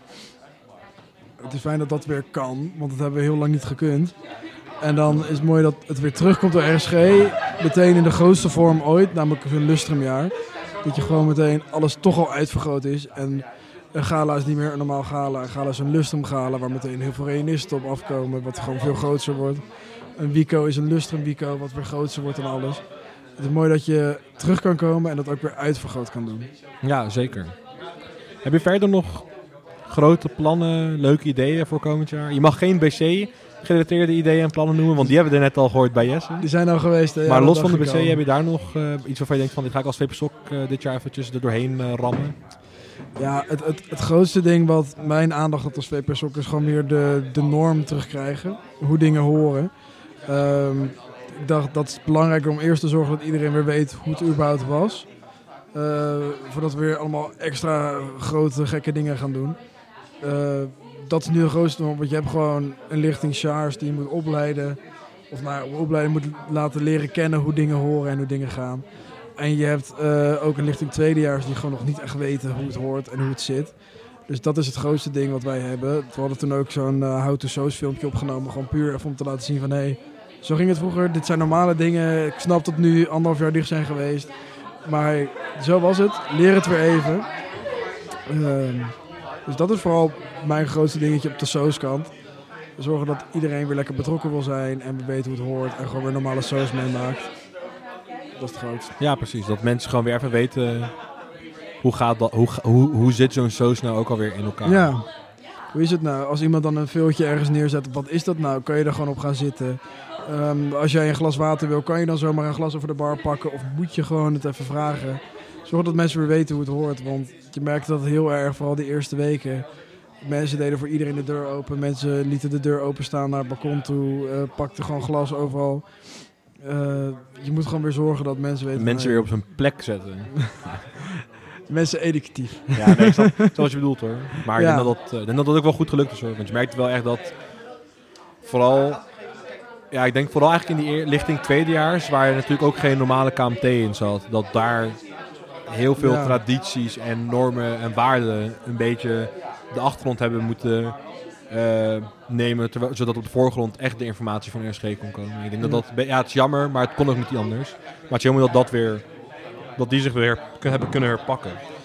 Ja, ik vond dat toen eh, grappig bij een van de eerdere, volgens mij de eerste afleveringen zelfs, dat Roos toen ook zei eh, dat ze het heel bijzonder vonden dat we opeens het glas gingen drinken. Ja, precies. Dat ook, ja, dit is, voor andere RSG is het natuurlijk totaal normaal. Want het is bijzonder dat wij plastic drinken in Midgard. En voor haar was het meer van, oh wacht, het is niet alleen maar plastic, er is ook gewoon uit glas. Het is gewoon lachen om te zien dat zij dat dan als de norm zien, terwijl het eigenlijk niet zo is. Ja, nee, dat is zeker waar. Ja, je komt natuurlijk gewoon in een heel ander RSG binnenstromen wat dat betreft. Ja, ja je zit met maatregelen, met eh, vier aan de tafel, max, niet zitten. Eh, nooit een rondje huis meegemaakt waarschijnlijk. Ik hoop dat we dat ook snel weer een keer kunnen doen. Dat is een van de mooiere tradities. Ja, ik heb er echt weer zin in. Dat je gewoon om vijf uur s'nachts eh het Heerlijk. pand uitgaat eh, nadat je je chocomel hebt gedronken. Ja, top. En dat je dan je dienst hebt afgesloten en je kijkt naar het pand en zie je, godverdomme, het raam in Miemer staat nog open. Nou, alarm eraf, weer naar boven moeten rennen. Ik moet eerlijk bekennen dat ik daar heel vaak heb gestaan als dienstrijder. En dan gedacht, ja, raam in Mier heb ik nooit gehad, maar ehm, eh, het ligt in Alfheim. En dan staat het ligt in Alfheim en dan denk ik van, Ah, ja. ja. nee, het is nu vijf uur, elf uur komt vroege dienst, zes uurtjes, wat maakt dat nou uit? Er, staat Ja, toch, er zit ja, toch wet ja. in. ja, het zijn de pijnlijke momentjes. Dat je een heerlijke, lekkere, lange dienst hebt gehad en dan naar boven kijkt van, ah shit. En dan kijk je met elkaar, met z'n twee elkaar aan van, nou, wie, wie gaat het doen? Ja, hoort er ook wel bij. Is ook wel weer de charme van dienstrijden. Ja, zeker, zeker. Ja, waar wil je het nog meer over hebben? Het is nu een beetje jouw podcast natuurlijk. Dat is een Oh. beetje het idee van deze, van deze show. Even denken. Ja, we hebben nu die middagsozen. Wat ook wel weer bijzonder is, dat je dan nu in Alphen met een biertafel moet gaan zitten. Eh, ik vind dat wel een mooi iets van RSG, dat we toch wel blijven proberen wat we kunnen doen. Dus dan ook een middagsoos, dan gooi je maar heel Mi- Midgard vol met bierbanken en biertafel. En zorg maar dat zoveel mogelijk kan gebeuren. Ehm, Ik vond het wel ook verrassend leuk, want ehm, ja, toen je natuurlijk die eh, maximaal x aantal mensen aan die tafels had, Eh, toen had je heel erg die ongemakkelijkheid dat mensen alleen met vrienden gingen zitten en dat je eigenlijk alleen maar dezelfde mensen sprak.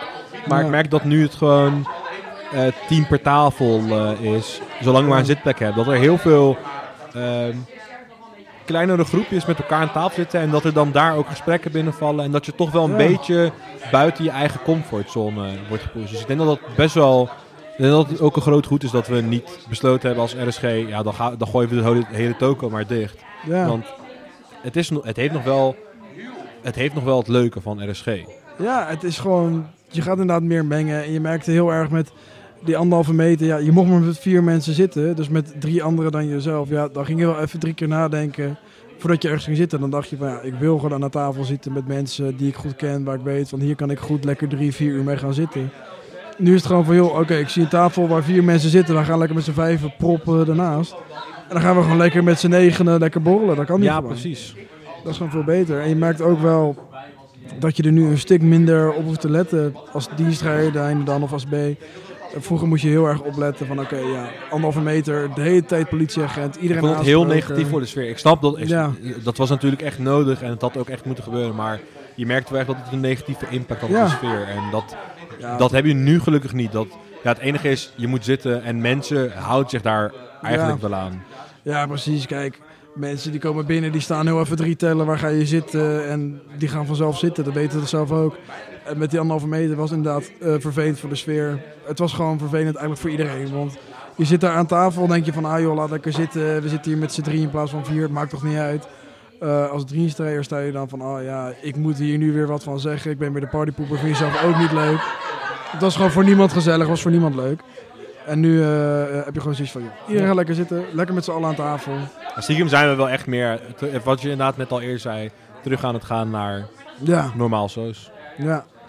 En dat eh, hoop ik, dat we dat gewoon, zeker in de lustenweken, gewoon alles weer normaal. Dat eh, onze lieve eerstejaars ook een keer een rondje huis mogen meemaken. Want het is een heel bijzonder fenomeen eigenlijk, dat je katslam en je fristie zit te zuigen. Ehm, dus ja, ik hoop dat het gewoon weer snel kan. En dat dan iedereen Ja. weer kan genieten van de normale saus. En dat wordt eigenlijk het grootste ding eh, wat wij nu als SB willen doen dit jaar. Ja, best wel goed, ja, goed plan wat dat betreft. Ja. Even vragen in de hele andere hoek. Oeh. Eh, we gaan toch wel een beetje de BC-kant op. Niet helemaal echt de BC.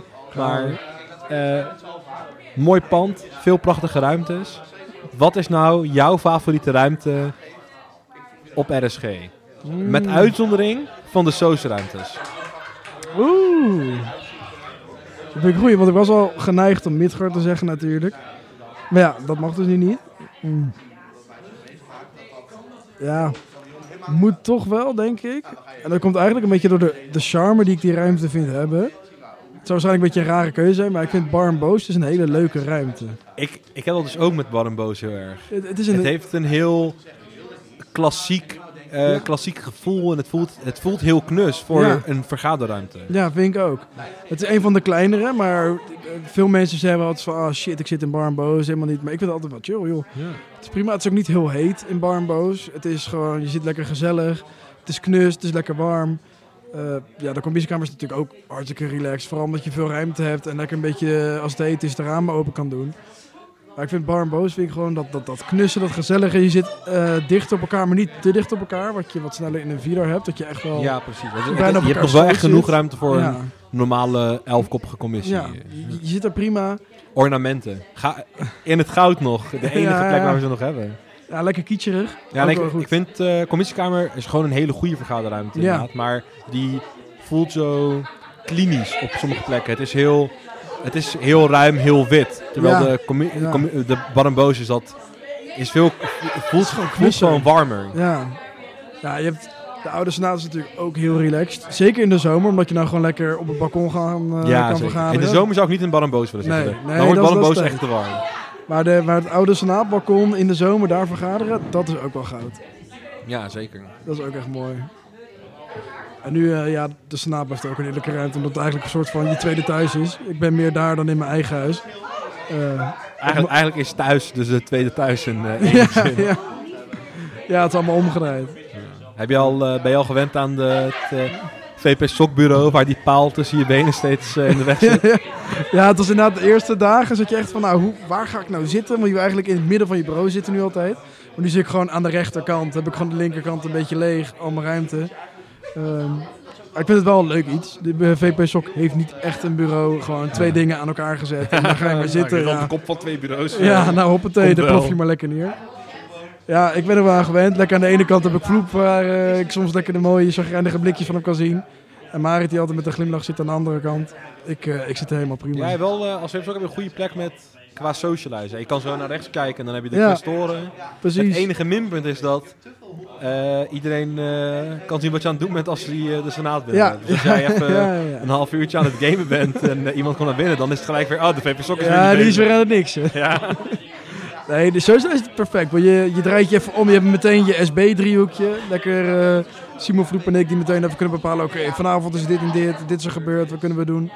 Dus dat is top. Je hebt gewoon de vier mensen voor je waar je meteen naartoe kan roepen als er weer wat is ge- alleen de Cousin mis je een beetje. Maar ja, Ja, die is, die is sowieso een beetje afgezonderd van de rest van het eh, bestuur in de senaat. ja, daar kun je... Oeh, lekker. Ja, de Cousin, ehm, die heeft inderdaad... eh, waar ik de minste privacy heb op mijn scherm... dan kan de Cousin letterlijk alles doen wat ze wil. Ja, dat, dat ziet niemand. Nee, de Cousin die, eh, die kan wel weer lekker volledig de Senaat observeren. Wat ja ook wel dat, weer leuk is. waar. En dichter bij de keuken, dus die heeft snel de Ja, ja, ja. Ja, de koelkasten wil je tegenwoordig niet meer inkomen. Ik, eh, ik heb hem laatst opengetrokken, Dat want is ik echt echt geen. Het was geen, eh geen pretje. Dat is echt bizar. Dat er komt een lucht uit. Ik weet niet wat het is. Misschien een klein tipje, maar misschien een keertje schoonmaken. Ja. Nou, ik heb dus in mijn witboek gezien dat de Senaat verantwoordelijk is voor de Senaat schoonmaken. Oh, kijk. En eh, het SB zorgt lekker voor de rest van het pand. Ja, helemaal mee eens. Ja. Mooie woorden. Dan krijg je eh, Nick die dan zegt, ja nee, sorry, ik ben prezes. Prezes Ja, is geen senator. Ik ben college, dus ik hoef het niet te doen. ah, joh. En loopholsdenken is niks mis mee. Nee, zeker. Het is gewoon eh, de con- het concept zooien eigenlijk, maar, eh, In de maar dan in de Senaat zo. Senaat. Nee. Met alle liefde kom ik langs hoor. ja, joh. Moet ook wat. Zooi in de Senaat. Senaat zooidienst. Ja. Heb je, heb je nog wat waar je het over wil hebben? Of eh, zeg je, ik wil wel afsluitend woordje doen naar de, naar de luisteraars? Nee, ja, ik denk inderdaad dat, eh, dat ik wel lekker rustig ga afsluiten. Wat ik vooral wil zeggen is nu, ehm, ondanks dat middag zoals niet ideaal is, kom nog steeds gewoon lekker langs. Het is nog steeds een mooie manier om RSG'ers buiten je commissie, buiten je dispuut, buiten je vriendengroep te zien. Om lekker te socializen. Dus. Ehm, de maatregelen zijn nu even kut, maar laat dat je niet tegenhouden om niet nog die band met RSG op te zoeken. Ga gewoon nog lekker door. Kom lekker hier een keer langs. Ehm, en hou die hype voor het Lustrum vast. Er komt een gala aan, er komt een Lustrum skireis aan.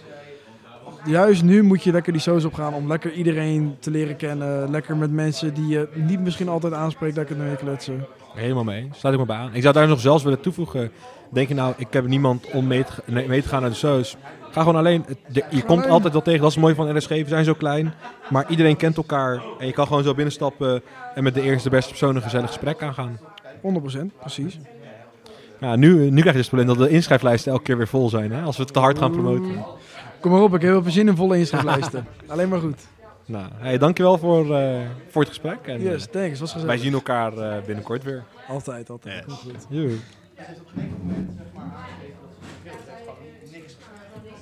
Oké, ik probeer oogcontact te maken met Mart, want die is volgens mij een beetje afrondend in zijn gesprek. En dan hoop ik dat hij nu wel na zijn gesprek mijn kant op komt.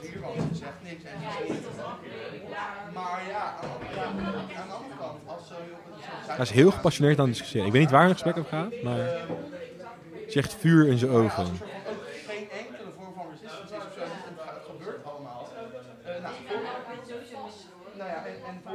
Nee, ik ben aan het zwaaien, maar hij negeert me. Misschien ga ik wel de Iden-tafel proberen. Lonneke. Lonneke. Ik weet niet of ze hem niet hoort of dat ze hem probeert te negeren. Lonneke.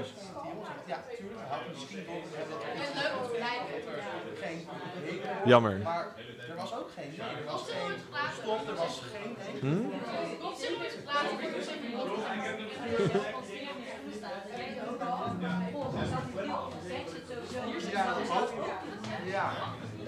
waarom?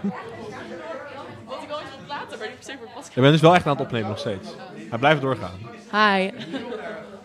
Waarom wil je niet, opne- waarom wil je niet voor de podcast ik het gewoon doen? Ja, kom gewoon. Maar gaan we het ook echte dingen hebben? Nee, Hallo. Het hoeft niet heel Je kan de koptelefoon op doen, dan eh, hoor je iets beter. kan ik iets horen? Ja, dan hoor je mij en dan hoor je alleen mij en jou erdoorheen. Dan hoor, je die ruis iets minder goed. Hmm, Oké. Ik leer nieuwe dingen. Oh, super. Thanks. Oeh, dit voelt echt heel professioneel. Nou, welkom. Stel jezelf eventjes voor dat mensen weten wie er aan het praten. Als ik echt... eh, gaat het dan ook echt op de podcast? Ja, ja, ja. Ja, ik weet het niet hoor. Oké, nou ik ben Lonneke. Ik ben eh derdejaars bij LSG. Eh, ja, ik zit nu in eh Alfheim. Of Theehuis ook natuurlijk. Ja? Ja? Nou, welkom. Waar wil, je, waar wil je het over hebben? Waar wil ik het over hebben? Want het hoeft, niet- het hoeft niet zo serieus te zijn als je zegt, ik wil Ja. gewoon een gezellig gesprek aangaan. Ja, ik, ik weet niet. Ik zag je zitten en ik dacht van ja, ik wil op zich wel met je praten. Dat is wel leuk. Misschien voor podcast. Waar wil ik het over hebben? Ehm, ja, ik wil het niet over corona hebben. Dat in ieder geval niet. Hm? Goeie. Over de aankomende persconferentie gaan we niet over hebben. Nee, gaan we niet over hebben. Nee, maar hmm, waar kunnen we het over hebben? Over, over de windsportcommissie. Gaan we op windsport gaan? Ja. Doe je ding. Ja, nee, eh, ik heb er heel veel zin in. We gaan eh, naar uh, Rizoul eind januari. We gaan met een eh, groep van 65 man. En het was wel echt bizar. Ik had echt niet verwacht dat er zoveel animo voor was. Want we hadden natuurlijk ook zo'n interesseformulier uitgestuurd. Eh, maar er willen echt heel veel mensen mee. En aan de ene kant vraag ik me af van... Is dit omdat het een Lustrum skireis is? Of is dit omdat het gewoon skireis is en omdat er mensen geïnteresseerd zijn? Ik denk misschien dat het een combinatie is van beide. Want Ja. natuurlijk gewoon...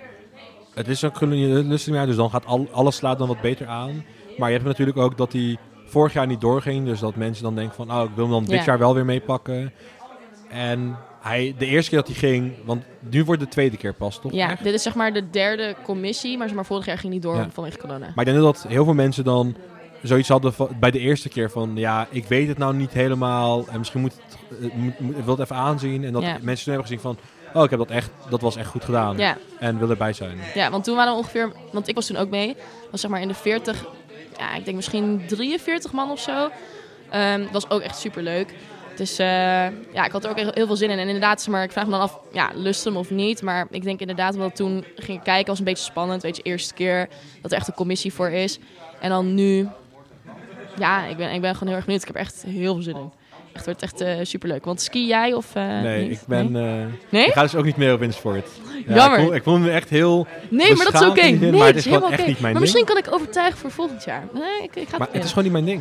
Maar ski, ja, kijk Ik heb nog nooit ski tegen snowboard. En ik, Mhm. het, ik heb, het heeft me ook gewoon nooit getrokken in enige maar ook niet sneeuw of bergen, natuur en dat soort opzicht. Want ik ga nu zelf mee met apski. Jammer genoeg, omdat ik... eh, of nou, jammer genoeg, apski is ook superleuk. Maar eh, omdat eh, met mijn enkel heb ik eh, problemen op dit moment. Maar ehm, ja, voor de apski heb je ook gewoon... Want wat ik heel erg had in het eerste jaar was heel veel drinken, zeg maar, de apres-ski. Zeg maar, die groep was heel veel drinken. En ik was heel erg gemotiveerd om dit jaar een, een locatie te vinden waar je ook andere activiteiten ook kunt doen. Ehm, dus bijvoorbeeld, daar kan je ook sowieso op... ehm, we waren ook kijken of je er kon bowlen. Ik kan dus blijkbaar bl- bowlen, maar je hebt ook heel veel andere activiteiten. Je kan dus op van die, hoe heet het nou, van die ehm, skimobiels, of hoe heet het nou? Ja, van die, eh, van die snowmobiles. Ja, snowmobiles, Ja. niet. Ja, snowmobiles. Ook gewoon dat soort dingen. Je kan er ook langlopen en dat soort dingen. Dus ja, Maar ik, vind, ik vind het jammer dat ik dat niet... Want an- Ja. dan, ik denk dat ik dan misschien echt over had nagedacht. Ja, nee, Maar ik precies. vind het jammer dat dat dus niet mee... Ja, Dat er niet mee gepromoot is of Ja. zo. Of dat Nee, na, dat langs gekomen. Want ja, ik, heb, ik heb gewoon niks met skiën of snowboarden. En ik drink niet. En Ja, was vorige keer wel gewoon... We gaan gewoon elke avond uit. En dan, Nee, maar dat is ook het ding. Ik vond dat ook zo. Ik herinner nog de eerste keer toen ik dat toen zag. Die mensen die gingen apres-skiën, die waren gewoon echt kapot na de reis. Want je gaat een, een paar dagen, dus op zich niet heel lang. Maar je bent dan overdag, ben je echt super veel aan het drinken. Dan ga je s'avonds natuurlijk ook drinken. Dan ga je op skiën, zeg maar met al die mensen die dan terugkomen van skiën. Die zijn natuurlijk ook kapot, maar die hebben niet de hele dag gedronken. Maar dat... eh, dat vind ik dan, vond ik dan ook heel erg heftig. En je wil gewoon activiteiten aanbieden die je dan zeg maar... Ja, want ik vind de bergen vind ik echt geweldig in de sneeuw. Dus ik baal er echt van dat ik niet ga skiën. Maar het is wel gewoon...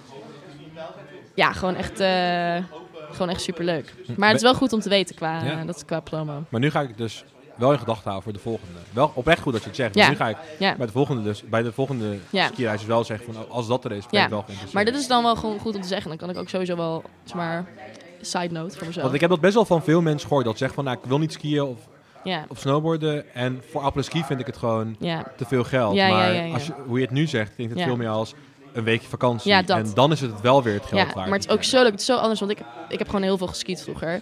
Ehm, en het is zo anders met je familie, ook zeg maar, gewoon apart zeg maar, vakanties, maar ook familie te skiën en met zeg maar, een vriendengroep te skiën. En je leert ook zoveel mensen kennen. Bijvoorbeeld, Cas kende ik wel, maar Cas leerde ik beter kennen zeg maar, op de wintersport. En het was gewoon zo leuk om met z'n allen gewoon te skiën en dan te drinken en samen zeg maar, op, zo, ja, gewoon op vakantie te Ja, gaan. snap ik. Ik vind aan de ene kant ook wel jammer dat dus niet meer doorgaan wordt met de lustrumvakantie. Dat was Ja. van, waarschijnlijk, ja, ja was, dat was voor jouw tijd. Want Ja. mijn eerste jaar hebben we dat nog gedaan.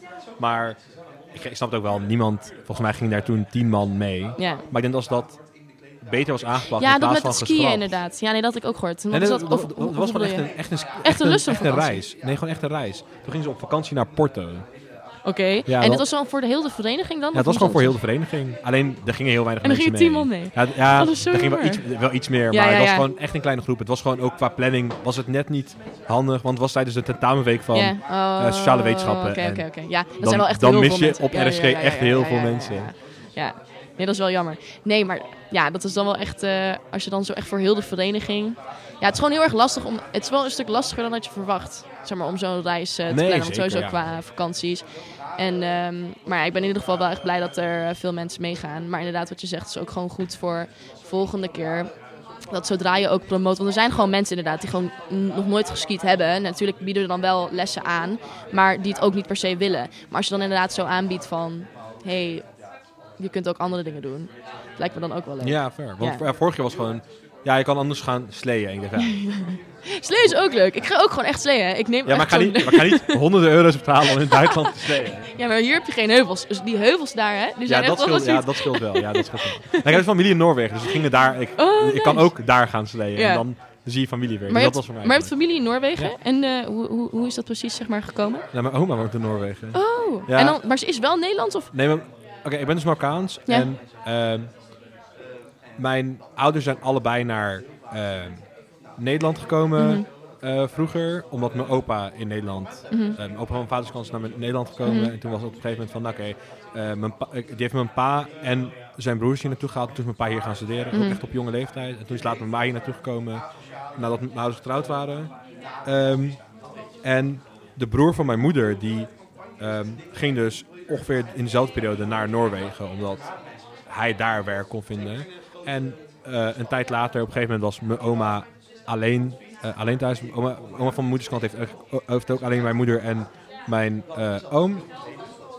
En ehm, die was op een gegeven moment in Marokko. En toen was op een gegeven moment, ja, dit is best wel leeg of zo. En ze had toch wel behoefte aan dat sociale contact. Dus toen ging zij bij mijn oom in Noorwegen Ja. wonen. Oh, dat is ook wel heel nu woont ze, nu woont ze in Noorwegen. Nice. Ja, half in Noorwegen, half in Spanje. Want Ja, er zit nu een beetje vage, maar dat is wel... iets. Maar ga je dan ook vaak je familie opzoeken in het buitenland dan? Of niet heel veel? Maar hoe vaak ga je er dan naartoe? Ja, het verschilt een beetje welke familie. Want ik heb dus echt heel veel familie in Marokko nog. Ja. En daar ga ik wel echt, ik denk, eens in de twee jaar ga ik daar naartoe. Ja. Vroeger echt elk jaar, soms Ja. zelfs meermaals per jaar. Maar op een gegeven moment word je dan wat ouder en dan denk je van, nou, ik ga niet meer met familie op vakantie. Ik wil Nee, gewoon ja. dus leuk op vakantie gaan. Ehm, en dan heb je nog familie in Europa. Ik heb best wel veel familie in België, Frankrijk, Duitsland. Oh, dat wist ik helemaal niet. Ja, dat is wel heb, leuk. ik heb echt familie over heel Europa kwijt. En die, ja, die zie je een beetje vaag. Want soms is het op een gegeven moment random dat we... Dat mijn ouders zeiden van, oh, we gaan even naar je familie in Duitsland. Omdat Ja. zij opeens bij ons thuis waren. En dan denk ik, dat, op die manier zie je elkaar dan. Maar dat is niet echt per se geregeld. Maar- En ehm, we hebben dus ook familie in Noorwegen. En daar gaan we eens in een paar jaar naartoe. Maar dat is gewoon dat Noorwegen gewoon... Ja, gewoon best wel duur vliegen. Ja. Best wel duur vliegen naar Noorwegen. Ja, ik ben er dus nog nooit geweest, maar het lijkt me echt zo prachtig. Het is echt mooi. Ik ben er in de winter geweest ja, ook. Oh, En alles is dan gewoon sneeuw. Van en die fjorden ook, ben je daar ook nee, ik geweest? ben daar niet. Ik ben gewoon wel echt in regio ja, Oslo geweest. ja. Ehm, maar alles is daar ook gewoon heel mooi. En met een paar uur rijden ben je gewoon echt bij van die grote meren die helemaal Oh, dichtgevroren zijn. Waar je dan oh, op kan schaatsen. Dus dat was wel echt heel tof. Ja, ik mis dat wel echt ook heel erg. Want ik heb natuurlijk in het buitenland ben ik opgegroeid. Dus maar mijn ouders wonen nog steeds in München. Maar ik mis dat aspect in Nederland wel heel erg. Dus maar de natuur.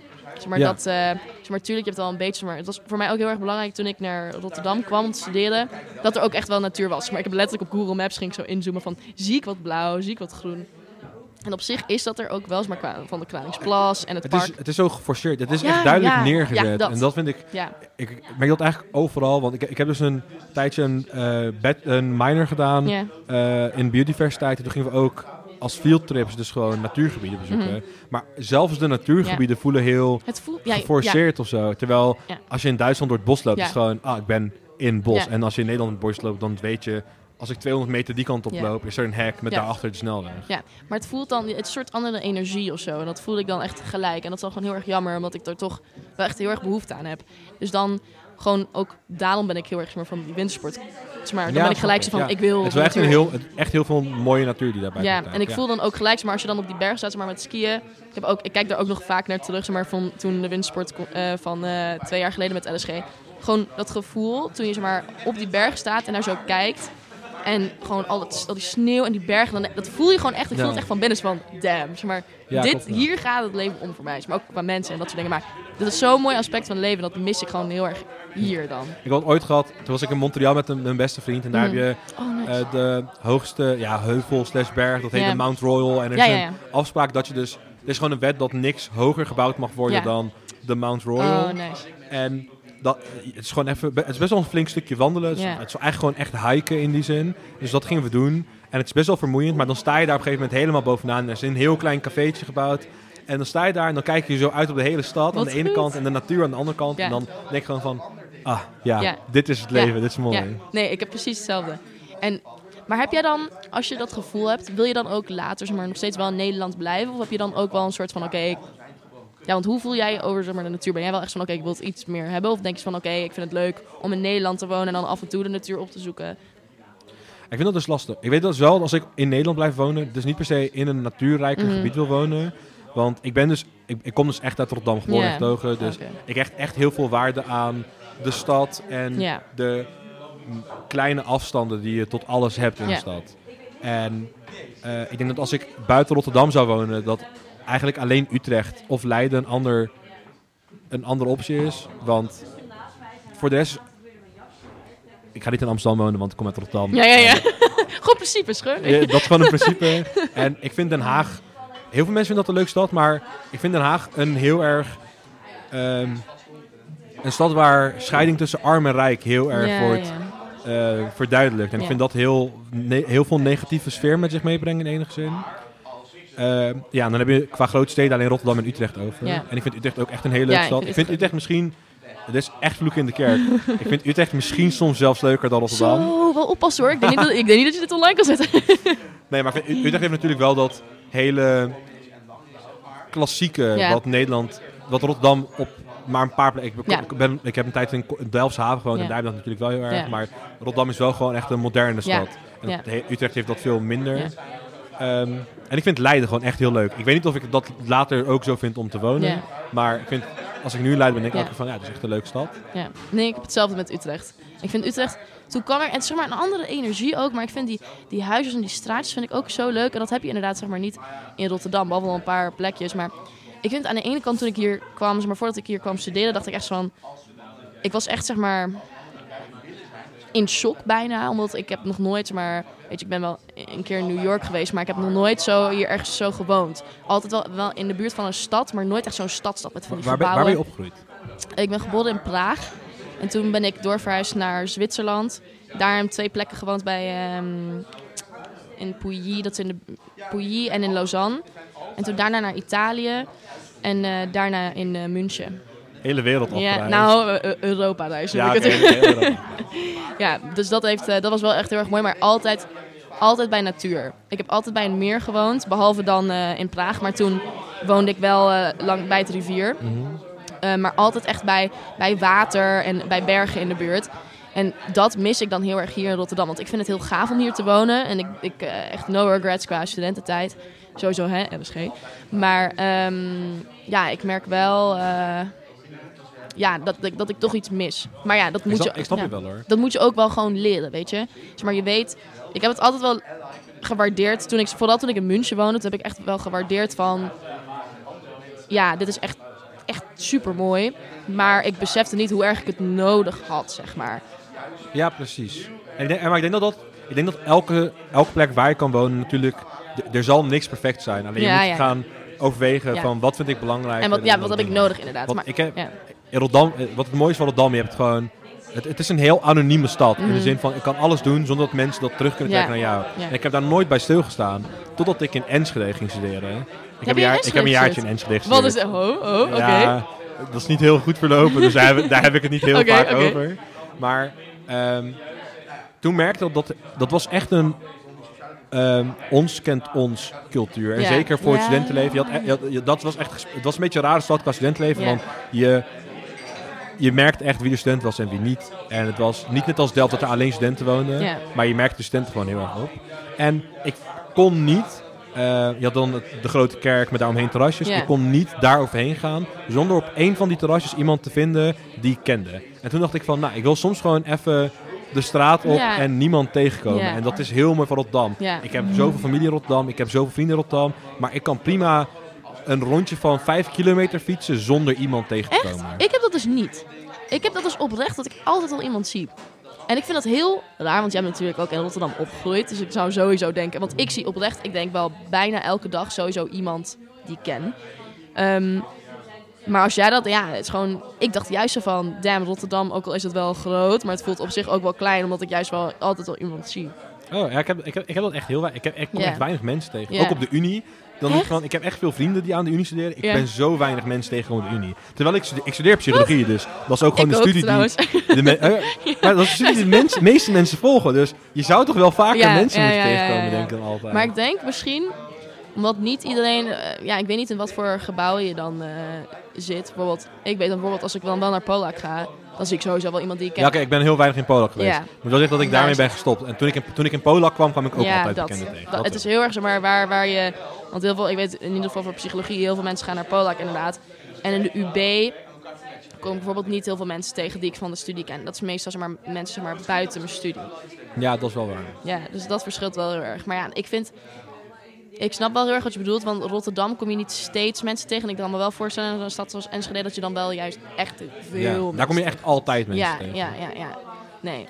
Maar om terug te komen op je vraag. Ja. Ik, ben, ik, ik, ik hoef niet per se in Nederland te blijven wonen. Als ik sta er ook wel voor open om te verhuizen. Maar ik zou dan wel willen verhuizen naar iets dat op zijn minst een even grote stad is als Rotterdam. Ja. En als ik dan toch wegga uit Nederland, dan zou ik wel op zoek gaan naar iets waar natuur makkelijker bereikbaar is. Dus ik Ja. hoef niet per se in. Ik hoef niet per se in de stad, maar dat je met een half uur rijden Ja, ja, ja, ja. ja. ik, zou, ik zou bijvoorbeeld, als, ik nu zou, als je nu zou vragen waar wil je laten wonen, zou het antwoord zijn Toronto. ja. Ik vond dat oh, echt zo'n zo leuke hoor. stad. Ik, ik ben er nog nooit geweest, maar een vriendin van mij die, eh, die komt daar vandaan. Die laat allemaal foto's zien en video's en weet je, op haar, haar social media en dat soort dingen. En dan denk ik echt van, poh. dat is Ben je, ooit, ben je ooit in New York geweest? Ja, Ja, het is dus qua stad heel erg New York-esque.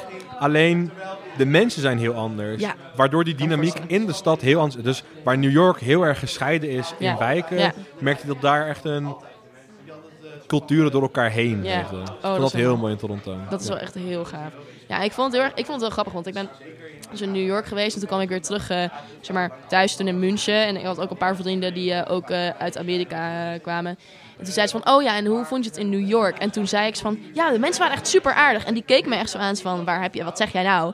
Want in Amerika is het heel erg van, in New York, dat, dat zijn ze gewoon gemeen. Zeg maar, dat ze gewoon arrogant. Ja, klopt. En dat, is, dat vond ik dus zo raar om te horen. Dan dacht ik echt van, als ik die mensen al aardig vond, zeg maar, hoe zit dat dan, zeg maar, andere plekken? ik heb ook nooit problemen gehad met New Yorkers. Nee. Maar ik, ik denk dat bij mij heel erg verschilde. Ik kom uit Rotterdam. En Rotterdammers zijn in- qua Nederlands term Mhm. ook gewoon de botte, directe, Ja, soms iets te grove ja, mensen. ja. En ik kwam in New York en ik dacht, ja, al die mensen hebben gewoon iets Rotterdams of zo.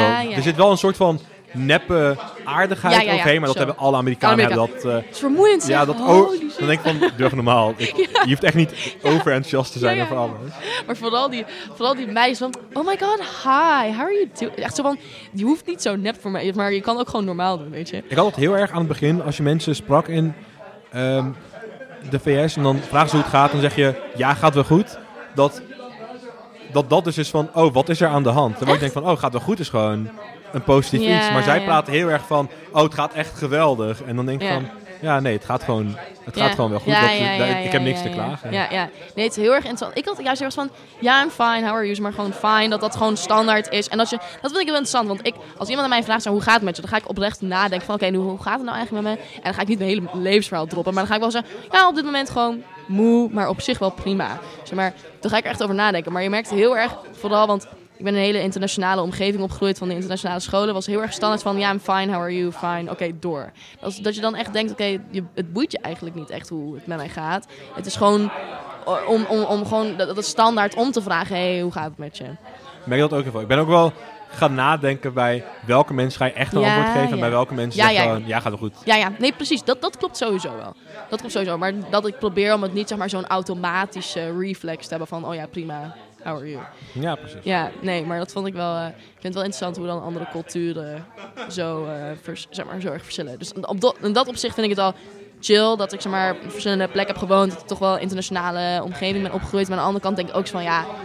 Ik mis wel dat concept van VVV'tjes. Maar als ik over nadenk van mensen van vroeger, waar ik nog steeds echt contact mee heb, is echt twee, drie. Echt niet veel omdat ze gewoon overal echt zo intens verspreid zijn. Maar ze studeren in Amerika, in Azië, in, in, in, in heel veel in Londen en in Engeland. En het is gewoon heel lastig om dan eh, contact te houden. Ja, fair, snap ik wel. Ja. ook niet echt heel veel VVV'tjes hoor. Ja. Maar dat is gewoon dat... Ik weet niet, op een gegeven moment ben ik bij RSG gegaan en dan Mm. merk je merkt altijd dat er twee groepen zijn binnen RSG, heb ik het idee. Eentje die heel veel met VVV'tjes. Ja. gaat doen en eentje die gewoon echt actieve kern. RSG wordt. En dan langzamerhand daar is een vriendengroep in Ja, En ik heb gewoon heel snel mijn vriendengroep hier gevonden. Ja, maar dat is ook wel echt heel erg mooi. Want hoe is het eigenlijk bij jou begonnen? Want je bent, dus- bent natuurlijk in Enschede ging je toen beginnen, neem ik aan. En toen was het toch niet helemaal gewoon het, je, je plan, of zeg maar, hoe je het wou dat, zeg maar, hoe je Ik, het wilde. ik, dat ik ging bij mij ook engineering studeren. Ja. Ik wilde eigenlijk technische geneeskunde studeren, maar ik was daarvoor uitgeloten. Ik ging Ja. bij mij engineering, want het was één stapje later. Ja, Eh, één één stapje technischer eigenlijk. Mhm. En niet iets met mensen. Maar ik werd Ja. daarachter dat ik de manier van lesgeven op een technische universiteit Mhm. niet fijn vond. Omdat Mhm. het heel schools was. Het was heel veel vakken. En uiteindelijk kreeg je één project waar het allemaal bij elkaar kwam. Maar je had gewoon voor elk vak eh, een tentamen. Dus ik had gewoon chemie, wiskunde, dat soort dingen. Dat soort tentamens. Dus toen ging ik kijken naar iets nieuws. En toen heb ik daar heel veel rondgekeken. En ik dacht van, nou, ik vind het best wel een leuke plek. Maar ik kon daar niet iets vinden waarvan ik dacht, dit wil ik doen. Want ja, Ja. het was een technische universiteit. Toen heb ik daar gekeken bij psychologie. Maar psychologie was daar heel technologie georiënteerd. Ah. En ik vond dat een beetje een rare link. Dus ik dacht van, nou, ik ga dan gewoon ergens anders kijken. Toen heb ik nog een beetje getwijfeld tussen eh, biologie gaan studeren in Utrecht en Oh. psychologie in Rotterdam gaan studeren. En elke keer denk ik nog van, oh, misschien was dat leuker geweest. Maar als ik biologie had gestudeerd, had ik waarschijnlijk dat dezelfde gedacht over psychologie. Dus dus nu, dat is een beetje op en neer gegaan. Maar ik vind het dus heel mooi dat ik met mijn minor iets... Ik heb met minor aan de biologiefaculteit van Leiden gedaan. Dus Oh, vond dat bijvoorbeeld heel leuk. Eh, en toen ben ik hier gaan studeren. En toen ben ik, dacht ik wel van, ik ga gewoon EW lopen. Want ja, ik had best wel, best wel veel van de close vrienden van mij van de middelbare school... die zijn, in, zijn buiten Rotterdam gaan studeren. Eigenlijk de, student, de vrienden die in Rotterdam zijn gaan de eh, middelbare scholieren van mijn jaar die in Rotterdam zijn gaan studeren... daar was niet echt heel goed vriend mee. Ja. Ik dacht, ik ga gewoon EW lopen, want ja, ik ken Rotterdam wel, maar misschien is het gewoon een goede kickstart van vrienden Gewoon de maken. mensen ook, ja, Ja, inderdaad. en daar heb ik echt nul spijt van gehad. En ik was eigenlijk van overtuigd, ik ga niet bij een studentenvereniging, want ik had ze in Enschede meegemaakt. Ja. En daar zijn ze allemaal iets corporaler dan RSG. Het, is echt geen, het, is geen, het zijn geen echt corporale verenigingen, maar het zijn gewoon iets corporaler. Ja. Of je had eh EG, dat, ehm, die internationale vereniging, maar dat was naar mijn idee niet echt wat ik, Ja, wat voor jou dat, bedoeld dat, dat had ik niet per se nodig Ja. toen ik daar studeerde. En toen kwam ik op RSG en heel, heel snel op mijn plek gevonden tijdens de Nice. Eureka-week. Ik dacht van, nou, Ja. dit, dit ga ik doen. Nice. Dat is wel echt heel erg fijn dan, inderdaad. Maar ik heb gehoord dat ook in Enschede, dat, dat ze daar allemaal in één huis zitten, al die verenigingen. Want Malet, zeg maar... Ja, je hebt het eh, Ja. pakhuis inderdaad. En, Ja, dat, eh, ja. Ze hebben allemaal één verdieping. En de twee grote hebben dan anderhalve verdieping, waar ze dan zo half in elkaar zitten. En ehm, ja, zo, die Eureka-week was dus ook, eh, de kick-in was het dan. Was heel raar, want... ehm, gaat gewoon de ene dag bij de Je ene verdieping, de je- andere je bij de andere dus, Je staat verdieping. dus allemaal in dezelfde rij. Want er is één rij voor het pand. Wat stiekem ook wel heel fijn is, want het geeft iedereen evenveel mogelijkheden om bij elke vereniging krijgt even, Ja, evenveel mogelijkheden. Maar ik vond het een heel cool concept. Maar dat lijkt me ook gewoon lastig, want je zit gewoon de hele tijd samen. Dus ik kan me wel voorstellen dat... Ja, ik kan me niet voorstellen dat bijvoorbeeld dat wij als maar, Rotterdamse verenigingen ook samen in één gebouw zouden kunnen zitten, zeg maar één pand. Want daar, zit, daar zitten gewoon bijna te veel verschillen bijna. Dat, ze, dat je gewoon zo...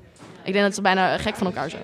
Ja, maar ik weet niet. Je had daar dus wel... Je, had, je hebt dus vier, vier verenigingen. Eh EC was dus echt zo'n... eh, het is eigenlijk volgens mij is Europa georiënteerd. Waar je overal in Europa heb je een paar keer EC met een bepaalde stad. Je hebt bijvoorbeeld ook EC Leiden-Delft. Mhm. En als je daarbij zit, dan willen ze voor je kijken ook van... Waar kan je in het buitenland zitten? En als je dan... Oh, zie. Stel je bent bij EC Enschede lid, maar je gaat een jaar naar Valencia. Kan je Ja. dus bij EC Valencia... Oh. Kan je daar binnenkomen bij hun sociëteit. oh, wat goed. Dat is wel heel cool. Maar dat is dus een heel ander karakter. ja. En je had. ehm, je had Alpha, dat was de christelijke studentvereniging.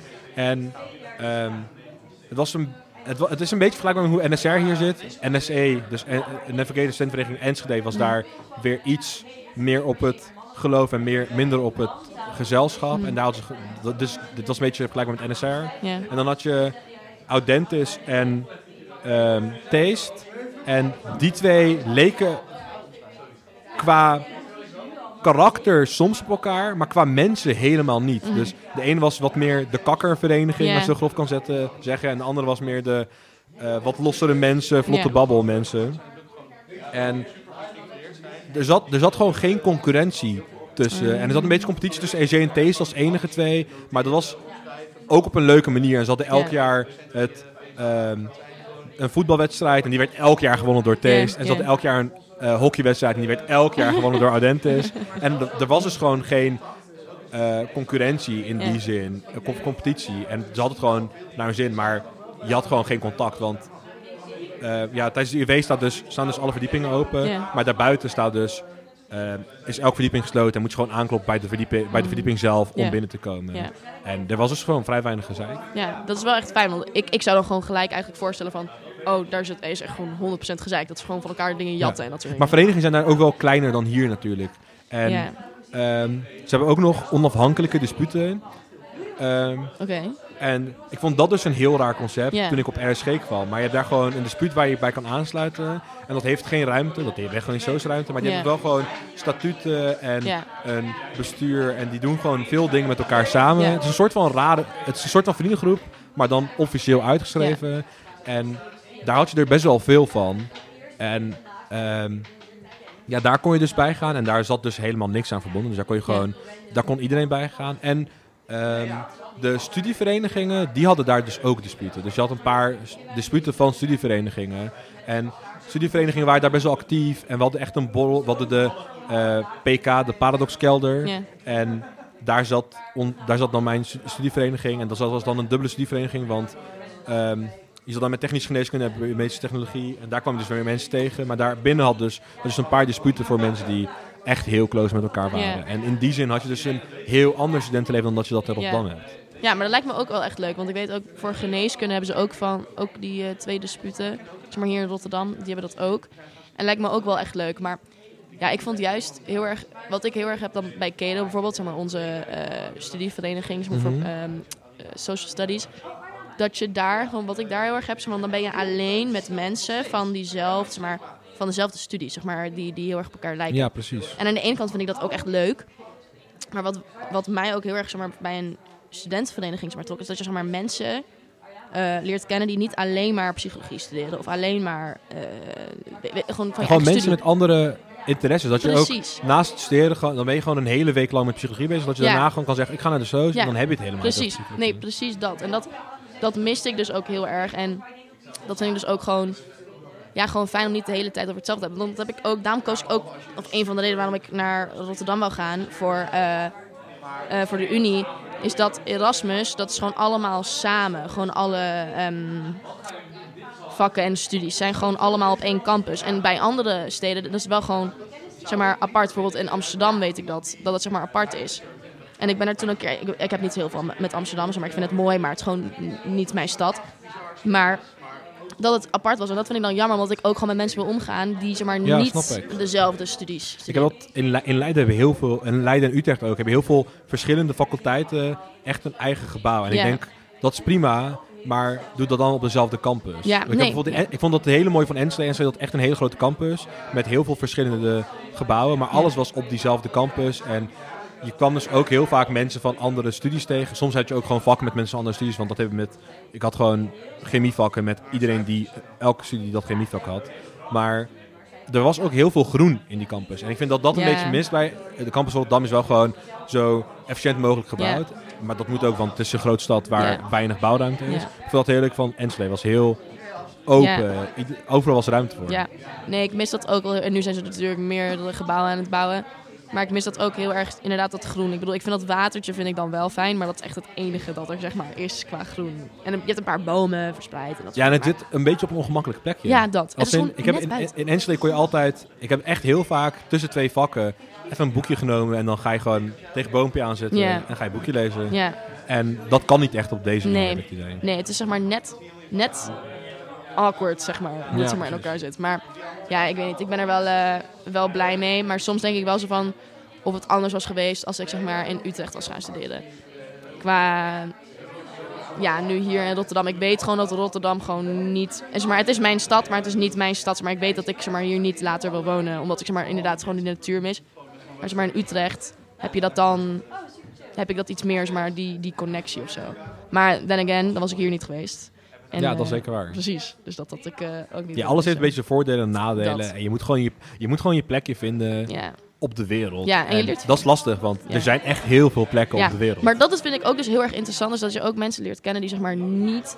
Die geen behoefte hebben om ergens anders naartoe te gaan. Die, zeg maar, die gewoon in Rotterdam dat, zijn. ik vind dat echt raar. Het is raar, hè? Maar gewoon echt no- ook nog nooit, die, die ook nog nooit, zeg maar, zeg maar, vakantie is één ding. Want sommige mensen eh, willen niet per se buiten Nederland, of zeg maar, die hebben er geen behoefte aan, of die kunnen dat gewoon niet betalen. Weet je, dat is één ding. Maar er zijn gewoon echt mensen die, zeg maar, gewoon niet weggaan. En dan denk ik van, heb jij er niet behoefte om gewoon, weet je, er, er vandoor te gaan? Ik Gewoon ken iets mensen die echt in een jaar honderden, misschien zelfs duizenden euro's geven aan weekendjes naar een Van der Valk hotel en daar gewoon relaxen. En dan denk je, ja, gewoon echt meerdere weekenden. Ja. Gaan dan vier keer per jaar gaan ze naar een Van der Valk hotel, gewoon heel luxe doen. En dan denk ik, waarom zou je dat doen als je ook gewoon twee keer op vakantie kan gaan? En dat is zo, ik, ik, ik weet Ik vind dat zo zonde. ik vind, ja, dat inderdaad, want Nederland, ik heb Nederland al gezien. En sure, er zijn plekken van Nederland waar ik nog niet ben geweest. Ik ben nog nooit, zo, ik ben nog nooit echt in ehm, de dorpen in Groningen en, Mhm. En, en ehm, Friesland geweest. En dat is ook een heel bijzondere cultuur en daar wil je ook van van leren. Maar ik, vind, ik, ik, ben, ik, ben blij dat ik echt ben geweest naar eh, Rome, naar Parijs, naar. Berlijn. Dat, de grote wereldsteden. Waarvan ik denk van oké, daar is gewoon heel veel anders gaande. En ook de kleine plekken. Ik heb, ja, kijk, ik, vind dat dus, ik heb dus geluk dat ik best wel veel familie verspreid heb over de wereld. Ja. En ik heb ook familie echt in een, klein, een paar kleine dorpen in Frankrijk. En ik vind het dus heel mooi om daar naartoe te gaan en gewoon zien... Dit, dit is een hele andere wereld. Terwijl je bent allebei... Het, het ja, wat is het? Er zit een twee, paar, paar honderd kilometer tussen. Maar... ehm, en het is allebei West-Europa. En je bent echt heel erg verbonden met allemaal dingen. Maar dan ga je daar staan en denk van... Dit is echt zo'n ver- totaal verschillende Ja. cultuur dan die Ja. je in Nederland hebt. Ja, En ik vind het dan jammer dat mensen dan heel erg in die kring willen blijven. ja, maar dat is inderdaad als je in een bubbel leeft. Dat ik kan me ook wel voorstellen dat zij ook dan in een bubbel zitten waar mensen er ook geen behoefte aan hebben. En als ze gewoon de hele tijd zo bezig zijn met Nederland, Nederland, Nederland. Of niet eens dat, maar gewoon bijvoorbeeld Rotterdam of gewoon dat soort dingen. Ja. Dat ze dan geen behoefte hebben om ergens anders naartoe te gaan. En ik vind dat dan gewoon jammer, want ik dan echt gewoon in hun hoofd wil schudden van er is zoveel meer om, om te zien en om eh, van te leren. En gewoon mensen, eh, laat staan zeg maar eh, architectuur of natuur of gewoon sfeer, maar ook gewoon andere mensen. Maar ja, wat, dat vond ik, vind ik ook wel heel erg interessant. Is dat ik dacht dat Nederlanders gewoon heel erg zeg maar, een beetje open-minded zijn zeg maar, qua culturen. En ik merk heel erg dat Nederlanders best snel afschrikken van buitenlanders vooral. En ik vind dat dan, ja, ik vind dat dan gewoon jammer of zo. Zeg maar gewoon dat ze heel erg snel naar, naar beneden kijken op internationals vooral, zeg maar qua student ook eh, zeker. Ja, nee, ik snap wat je bedoelt. Ja, Nederland, Nederland ja, we zijn niet, ja, ik weet niet, we zijn niet per se gesloten in die zin, Ja. maar er is gewoon een soort van angst voor ja, het vreemde. En ik heb Ja. dat in Nederland dat best wel sterk is. Ja, nee, Zeker ja. buiten de grote steden als Rotterdam, Amsterdam. ja, nee, ik, vind dat, ik vond het gewoon heel erg apart om eh, mee te maken. Maar ja, dan ben ik juist van, ga nou een keer gewoon naar het buitenland en ga daar gewoon kijken. En dan zul je zien van, damn, maar dit is gewoon echt gaaf. En ik vraag me dan ook af of het dan, zeg maar, gaat veranderen. Maar ja, ik, ben, ik hou heel erg van, eh, van buitenland en reizen en culturen leren kennen. Maar ik merk ook heel erg van, ik heb ook wel behoefte aan een soort gewoon thuis. Als jij mij nu vraagt, waar kom je vandaan? Zeg ik wel Nederland en waar? Ik, ja, ik weet niet. Mijn ouders komen uit hier en daar. En, maar daar heb ik geen connectie mee. Maar ik weet ook niet echt waar ik vandaan kom. Zeg maar dat mis ik dan wel. Snap ik. Ik heb dat ook een beetje. Ja, Want mijn ouders komen natuurlijk gewoon uit Marokko. Ja. En ehm, ja, die zijn hier. Mijn ma is hier op de 20ste natuurlijk gewoon een paar op zijn vijftiende. En ik ben gewoon hier geboren. Maar voor iedereen in Marokko kom je uit Nederland. Ja. Maar voor iedereen uit Nederland kom je uit Mhm, Marokko. mhm. En je komt dan soms echt in zo'n vage crisis van... Waar kom je dan eigenlijk echt Ja. vandaan? Nee, dat, dat heb ik dan best wel vaak. Ik probeer dat dan even opzij te schrijven. Dus van, wat is mijn thuis? Waar kom ik vandaan? Maar ik voel heel erg een connectie met München. Ik hou echt van München, maar als ik, ik voel me niet Duits. Als ik daar kom, ben ik gewoon buitenlands. Ja, ik heb er elf jaar gewoond, maar dan ben ik gewoon eigenlijk gewoon Nederlands. Maar dan ben ik hier, dan ben ik buitenlander. Zeg maar niet omdat ik gewoon Nederlands kan praten. En gewoon, gewoon wel... Ja, ik ben wel gewoon Nederlands, maar je hebt ook niet echt een connectie of zo. En dat voelt dan gewoon gek. Maar ik denk dat het ook wel een mooi iets is, want dat laat natuurlijk wel veel, veel opties open om je plek te vinden Ja, in die zin. dat zeker. Want je hoeft nergens te blijven Ja. omdat je daarvan... Ik denk dat dat dus een beetje het, de, re- ook de reden is waarom sommige mensen dus niet buiten Nederland of buiten Ja. Rotterdam komen. Want die voelen zich waarschijnlijk Ja. echt Rotterdammer. En ik voel me ook Ja. wel in enige zin Rotterdammer, want ik ben hier gewoon geboren, getogen. En ik kan me echt wel vinden in de cultuur van de stad. Maar ehm, ik heb wel genoeg. ehm, ja, hoe noem je dat? Curiosity. Hoe, wat is dat in het Nederlands? Nieuwsgierigheid. Ik ben genoeg nieuwsgierigheid naar ontdekken waar ik echt vandaan kom. Dat ik toch wel mijn plekje wil gaan zoeken of zo. Of mijn plekje wil gaan vinden. En dat laat je toch wel zoeken. Ja, nee, ik heb, ik heb dat ook heel erg hetzelfde. Nee, maar het is wel, wel mooi om te, om te horen dat je dat ook hebt. Maar inderdaad, ik denk dat zeker ook wel... Het heeft sowieso gewoon zijn nadelen, want je voelt een beetje gewoon een beetje de weg kwijt. Maar het is ook wel gewoon mooi dat je dat gewoon nog niet helemaal hebt en dat je dat gewoon kan vinden. Dat je gewoon een beetje Ja. alles kan zien, alles kan ontdekken. Alles is mogelijk. Ja, nee, maar nice. Nee, ik vind het wel leuk. Wat, als laatste vraag. Ja. Wat is de mooiste plek waar je bent geweest? Geweest of gewoond? Geweest. Oh, ja, ik ben dus... eh, ja, ik heb heel veel mooie plekken wel hoor. Het allemaal, ja, ik, ik vond... Ik ben ooit in eh, Botswana geweest. Zeg maar, dat ligt eh, naast Zuid-Afrika. En toen was ik daar op eh, familievakanties met mijn opa en mijn nichtjes en neefjes. En toen zijn wij op, zeg maar, gewoon daar op die safaris. Dat is zo mooi. Ik, ben toen, ik, was toen, ik was vroeger heel erg into photography. Was, vond ik echt heel erg leuk. En ehm, toen heb ik niet echt een cursus gedaan, maar zeg maar een, een klas, maar ook niet heel erg dat zeg maar met een profession, eh, ehm, professional photographer ging je dan in zo'n een soort bunkerachtig iets, zeg maar. In, eh, in de weilanden ging je dan zeg maar zo onder de grond. En dan had ze zeg maar zo'n ja, soort gat gemaakt. En dat was naast zo'n watering hole. En er kwamen zoveel dieren. En ik kon van super dichtbij, van echt super mooie dieren fotograferen. En het was zo, echt zo gaaf. Ja, me- oh, dat lijkt me echt heel tof. Het was zo mooi. Maar toen ook daarna, toen zouden onze, onze tourguides zouden ons komen ophalen. Om, weet ik veel, zes uur, half zeven. Was half zeven, niemand. Zeven uur, niemand. Half acht, niemand. En toen zaten wij daar. Ik was met mijn moeder. Ik was echt van, alright, oké. Ik denk niet dat ze ons komen ophalen. dus toen heeft de fotograaf heeft ons toen eh, weggebracht. Maar het was echt helemaal donker. Maar daar heb je ook geen stad, heb je ook geen lichten. Maar je zag de sterrenhemel gewoon helemaal. Je zag de, de, de, de, heet het de Melkweg, ook de Milky Way heet toch de Melkweg, Ja, ja. toch? De Melkweg en je zag ook, je kan ook planeten dus zien. Dat vind ik echt super gaaf. Je kon alle planeten, zeg maar, je kunt, ik denk vier of vijf planeten zien. Allemaal op een rijtje, overal sterren. Ik dacht echt, wauw, Echt tof. dat is zo gaaf. Ik denk dat dat het meeste mis van in Rotterdam. Ja, wonen. ja, niet per se de natuur, maar dat je niet naar boven kan kijken en kan zeggen van, oh, dat ziet er echt mooi uit. Als je geluk hebt, zie je de zon, zeg maar. Maar ja, mijn ou- mijn ouders komen dus uit een, gewoon uit een stad in Marokko. Maar mijn opa eh, had dus, voordat hij overleden, voor hij overleden had, gewoon een stuk grond echt op het platteland. Ja. En daar hebben we nog steeds een huis. En elke keer daar naartoe komen. Mhm. En gewoon liggen op de grond. En dan slaap je gewoon ook best wel veel. Je hebt, in Marokko is best wel een ding om eh ruimtes te hebben zonder plafond, Ja. zonder dak. Ja. En daar, daar, daar slaap je wel eens, want het is gewoon echt super warm. En dan kijk je van omhoog en dan zie je al die sterren. Oh, en dan denk je altijd van, ja, Oh, dit is toch wel goed. echt iets wat, je ont, wat Ja, ontbreekt. dan voel je het ook. Ik voel het ook echt zeg maar gewoon in mijn lichaam. Ik echt zo, Ja. wauw, het is echt zo mooi. Maar en eh, hoe zit het eh, met jou? Wat, waar ben jij geweest dat je echt denkt, nice? Ja, ik twijfel dus tussen twee plekken. Want ik ben dus in Montreal geweest. Ja, En ik vond dat dus echt heel mooi. ja, ook omdat dat voor mij een heel grote... Ik, was, ik ben in New York en Montreal tegelijk geweest. Ah, tenminste, tegelijk. Dezelfde, ja, ja, ja. dezel- deze- dezelfde reis was dat. En toen zijn we van New York naar Montreal gereizen, gerezen met de trein. Mhm. En ehm, dan kom je sowieso door Vermont en Ja, door die bossen. En ja, dat, dat was heel mooi om te zien. Op een gegeven moment regent het ook keihard, maar het scheen ook zon. Dus het was Oh, elk, mooi. elk seizoen in een bos kon- heb je een beetje meegemaakt. En Montreal was gewoon heel...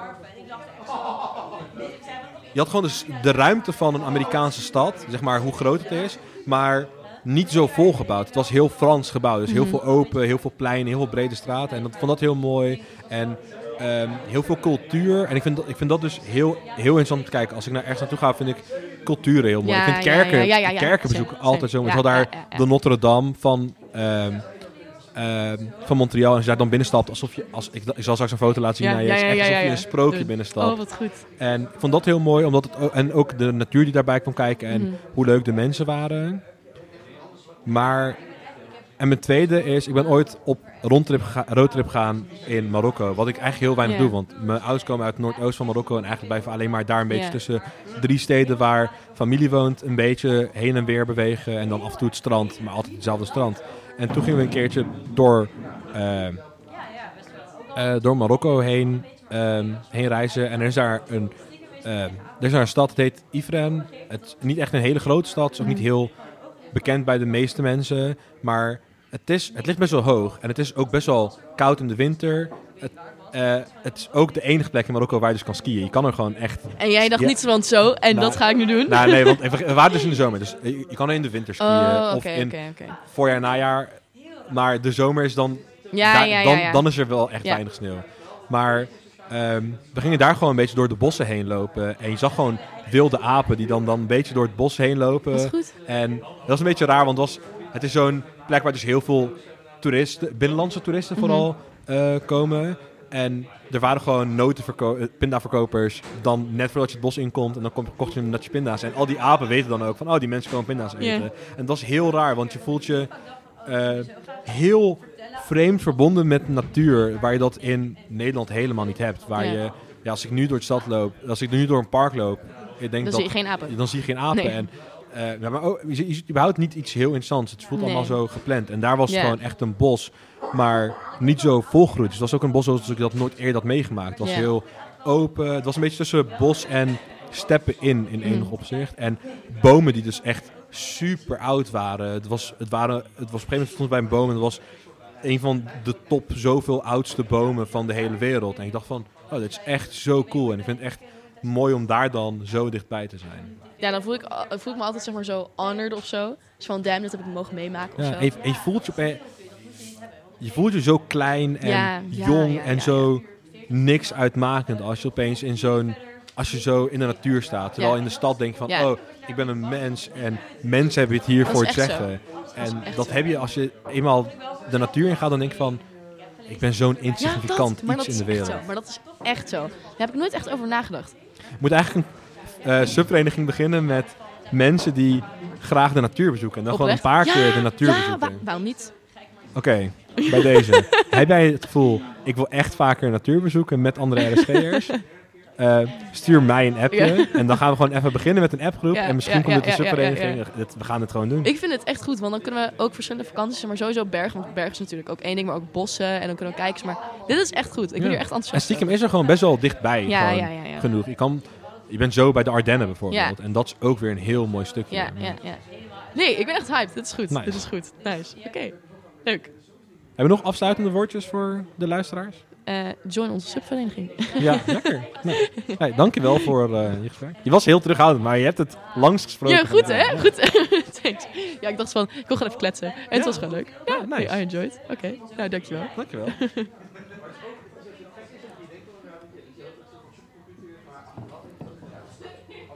nou, de soos is weer... Ja, de soos is weer leeg. Ik ben een beetje aan het kijken naar Mart. Mart, Mart oogcontact halen. Zou Mart willen komen spreken of zou hij dat niet willen? Hij is diep in gesprek. Ja, dat, hij is de hele tijd al diep in gesprek. Ik ga gewoon een beetje die kant op kijken totdat Mart zich geroepen voelt. Oh, hij, hij staat al op. Oh, kijk.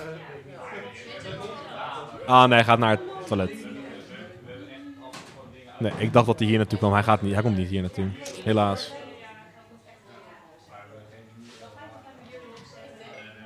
Nee, dit eh, concept heeft best wel positief uitgepakt.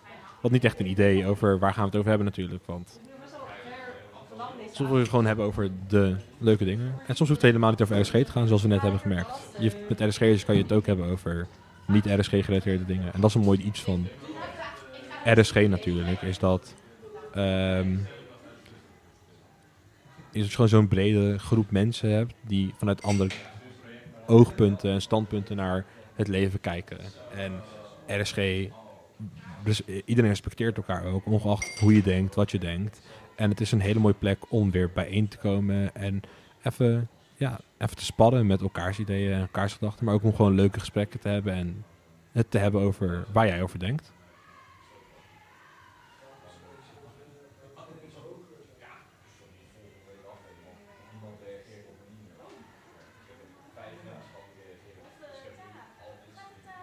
Ja, echt goed. Ja, het gaat verrassend goed.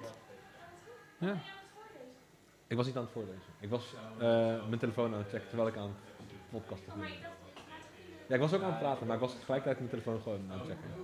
Oké, Mart. Zou Mart hier naartoe komen? Komt hij hier? Ja, kijk, Mart komt. De grote verhalenverteller.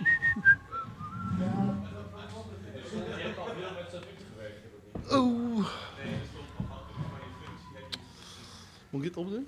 Ja, makkelijk, mak- makkelijker praten. Hoor ik dan mezelf? Je kan hem eh, gewoon eh, verstellen als je wil. Hey Ta. Hey, hey. Nou, hey. Stel, je, stel jezelf even voor, dan hebben mensen een beetje idee eh, wie daar aan het praten is. Nou, lieve luisteraars. Mijn naam is Mart. Ehm, ik eh, ben inmiddels vierdejaars... li- Oh, dat klinkt echt oud. Is geen negatief iets. We hebben het hier eerder over gehad op de podcast. Oud zijn is, oud zijn is soms gewoon een positief iets. En dat moet je gewoon waarderen. Dat betekent namelijk dat je heel veel jaren...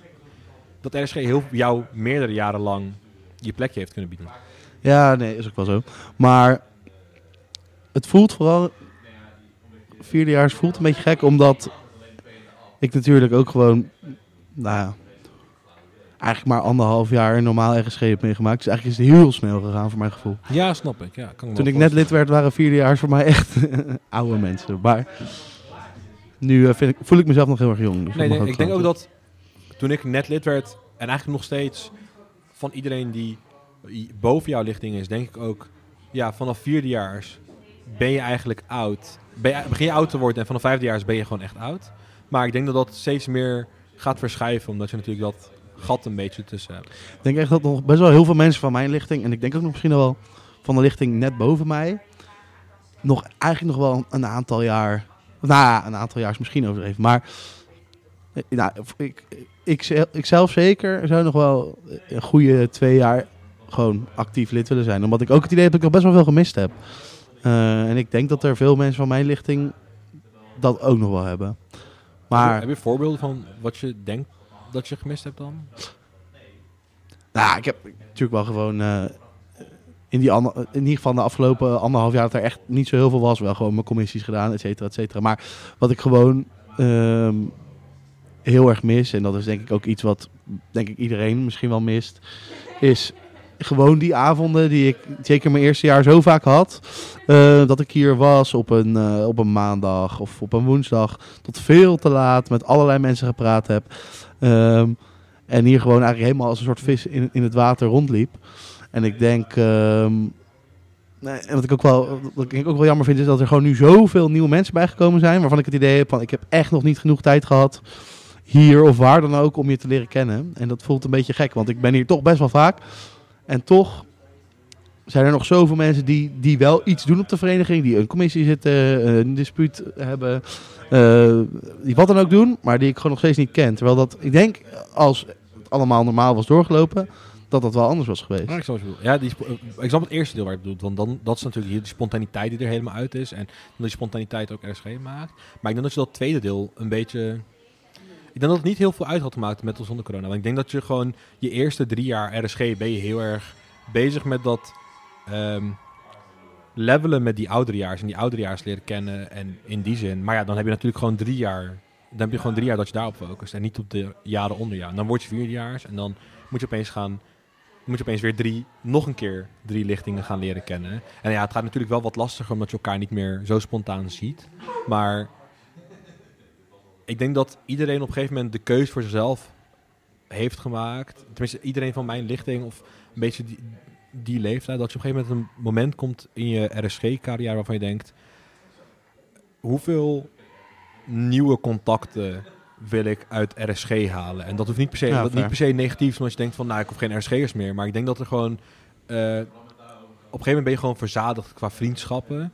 En Zullen, er zullen wel een paar afvallen, want er zullen vast wel genoeg mensen zijn van je eigen lichting die weer wegvallen, het echte leven ingaan, naar het buitenland gaan om daar te werken. En daar kan dan weer vervanging in komen. Maar ik denk dat er gewoon heel weinig plek voor je.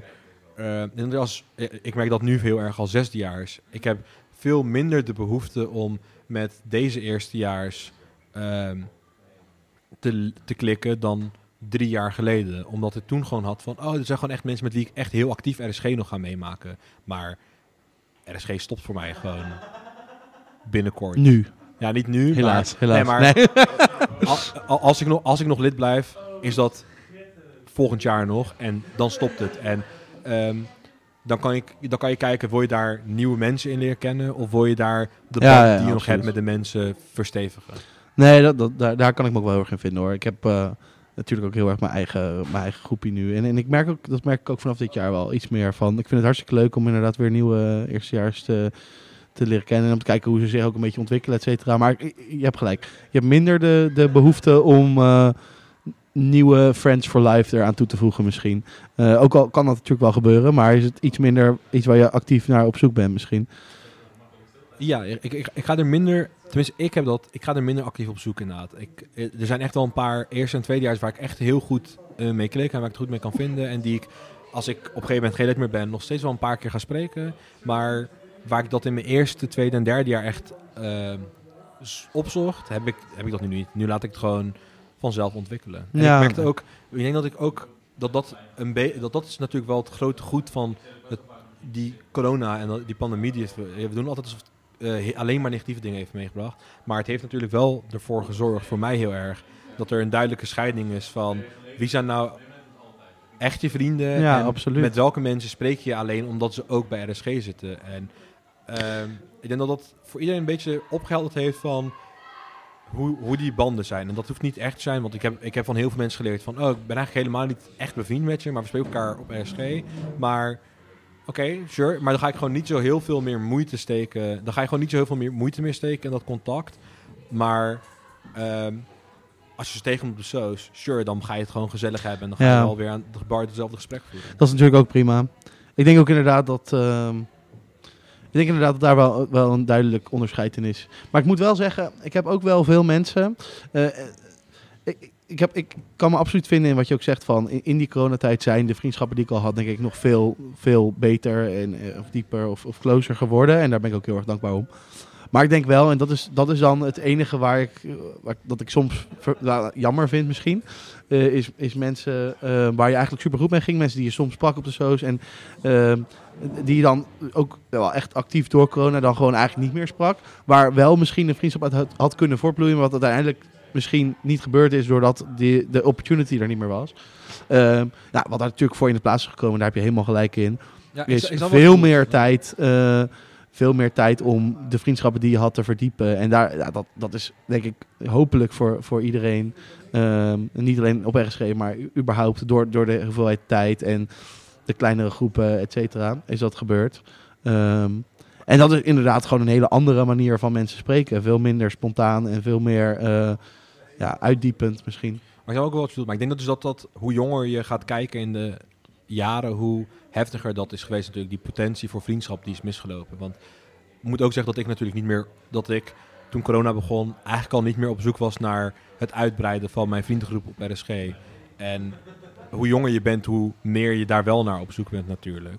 En Nee, ik denk dat, het is natuurlijk voor iedereen weer heel anders hoe dat heeft uitgepakt. En ik merk, ik merk voor bij mezelf heel erg dat de goede vriendschappen die ik heb heel persoonlijk zijn geworden. Als in, ik kan nu naar mijn idee heel veel meer sociale en ik kan, ik kan gewoon echt proble- problemen aankaarten waar ik het voorheen niet echt over kon hebben met vrienden. Omdat ik niet dacht van, ja, daar zijn we nog niet op dat level. Terwijl bij corona, en zeker omdat je dan, dat gewoon, laten we eerlijk zijn, iedereen heeft dat dipje wel gehad. Daar ga je gewoon hele andere gesprekken met elkaar voeren. En dat laat me dan werk denken van, er zijn gewoon vrienden voor RS, op RSG die ik heb gemaakt, die gewoon echt vrienden voor het leven zijn. Oh. Oh, er is een rondje gaande. En Marit is een goeie. Ze geeft een rondje weg. Ze geeft een rondje weg. Ze geeft een rondje weg. En Marit is een goeie. En Marit is een goeie. En Marit is Is een goeie. Ze geeft een rondje weg.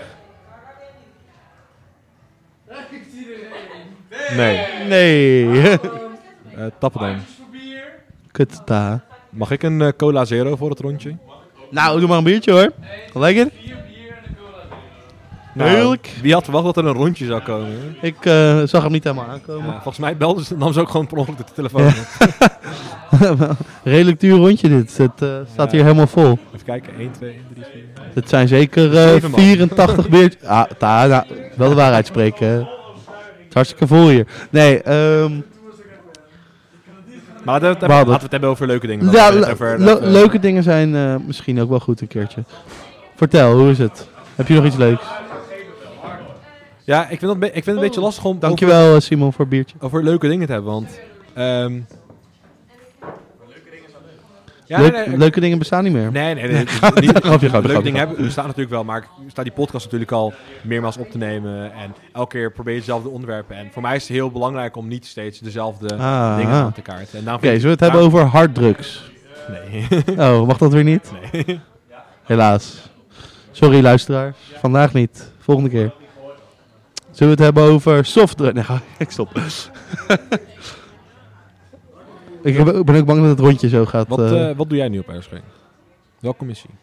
oh, eh, nou. De Kulweek. Ik heb het hier eerder over gehad met Roos. maar de Kulweek is dus mijn favoriete ervaring van mijn RSG-carrière tot nu toe. Ik moet eerlijk zeggen, ik wilde heel graag de Kulweek doen. Ik heb, ik heb vorig jaar de Rekenweek gedaan in een, in een redelijk... nou, ik- ik- om het de laatste keer aan te halen, een, een redelijk heftig coronajaar. Eh daar gaat het rondje. Ik ga het zo. Een en ander mogen strekken tot meerdere groei en bloei van het Rotterdam Studentengezelschap en het Rotterdam Technisch Studentengezelschap. Prut. Lang leven aan die Marit. Ze moest bellen voor het eten, dat heeft ze geweten. Lang leven dan die Marit. Ze moest bellen voor het eten, dat heeft ze geweten. Lang leven dan die Marit. Ze moest bellen voor het eten, dat heeft ze geweten. Van het RSG en het RTSG. Prut.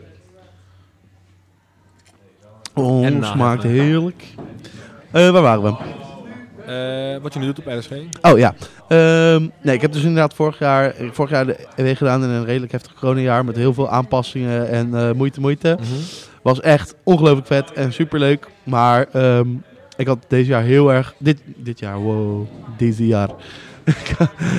ik had dit jaar echt heel erg behoefte aan een, eh, aan een commissie waar ik gewoon even mijn, mijn creatieve ei kwijt kon, maar niet al te veel eh, tijd in beslag neemt, zeg maar. Eh, en daarom wil ik super graag Kulweek doen. Ook omdat ik heb gehoord van heel veel mensen dat het nou, ook wel eens onverwacht een geweldig leuke commissie voor, zij, voor hun is geweest. Ehm, en ja, ik heb eigenlijk tot nu toe dezelfde ervaring. We hebben een stuk of zeven vergaderingen gehad nu, denk ik.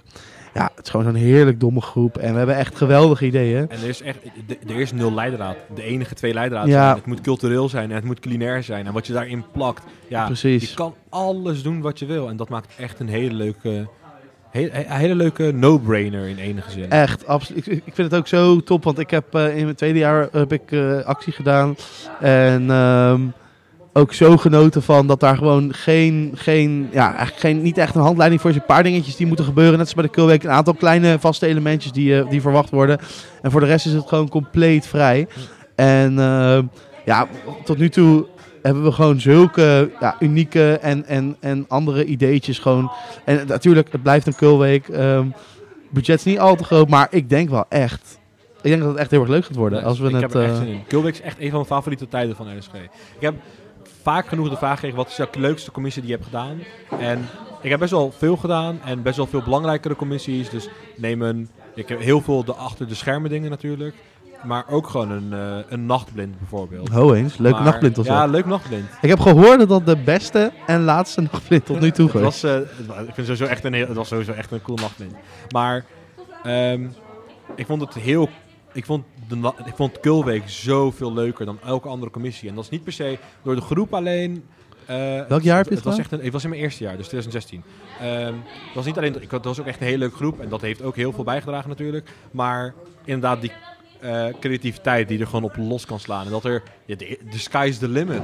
Je, Want wat- ik, ik ben wel benieuwd, wat hebben jullie in jullie... eh, ja, wat was het thema, thema? ehm, van alle markten thuis. En dat was een beetje een cheat thema, want dan kan je eigenlijk elke dag een ander thema erin werken. Dus we hadden elke dag een ander thema. Ah, oké. En ik kan me uit mijn hoofd niet meer herinneren wat we precies Nee, hadden. ja, we hadden is, dinsdag hadden eh, iets met dieren. En we hadden eigenlijk Freek Vonk uitgenodigd. Maar die, is, die heeft niet meer gereageerd op onze berichten. Ehm, maar hadden een eh, exotische vleesproeverij eh, bijvoorbeeld. Dus waar mensen kangoeroe biefstuk, eh zebrasteak, eh krokodillevang, Oh, echt? ehm lamstesten. Waar heb je dat allemaal vandaan gehaald? Ja, gewoon online. Bizar. Ehm, en dat soort dingen. Ehm, maar ook wel hele serieuze dingen. We hadden bijvoorbeeld op de, de donderdag hadden we, is het het bad of de bad. En toen gingen we een, hadden we een debatavond. Ik had het met. Maaike Basis. De woordgrappen, het zat vol met woordgrappen. En, Ah, wel leuk. ehm, maar aan de andere kant ook gewoon weer wat serieuzer. Dus we hadden bijvoorbeeld ook een, eh, op de vrijdag hadden we gewoon een cocktailavond met een eh, jazzband eh, voor de reunisten. En er was gewoon een uitgebreide held ergens in de week. En dus, dus gewoon wat dingen die wel wat, in, serieus zijn, maar ook gewoon heel leuk. Alles Ja, ik denk, ik denk het, het, het unieke en leuke van de Kulweek is natuurlijk... Heeft een, heeft een, commi- heeft- een, eh, een vereniging, welke vereniging dan ook, een Kulweek nodig? Niet per se. Eh, maar is het toch elk jaar voor RSG weer zo'n week... waar er compleet willekeurige dingen eh, langskomen... die toch, toch uniek of gezellig zijn. Wat, ik altijd een goed voorbeeld vind is... eh, een aantal, keer, aantal jaar achter elkaar hebben ze een... eh, een bioscoopzaal afgehuurd met een eh, groep RSG'ers. Dan zit je met eh, nou, een stuk of 40, 50 RSG'ers zit je een film te kijken in je eigen privé bioscoopzaal.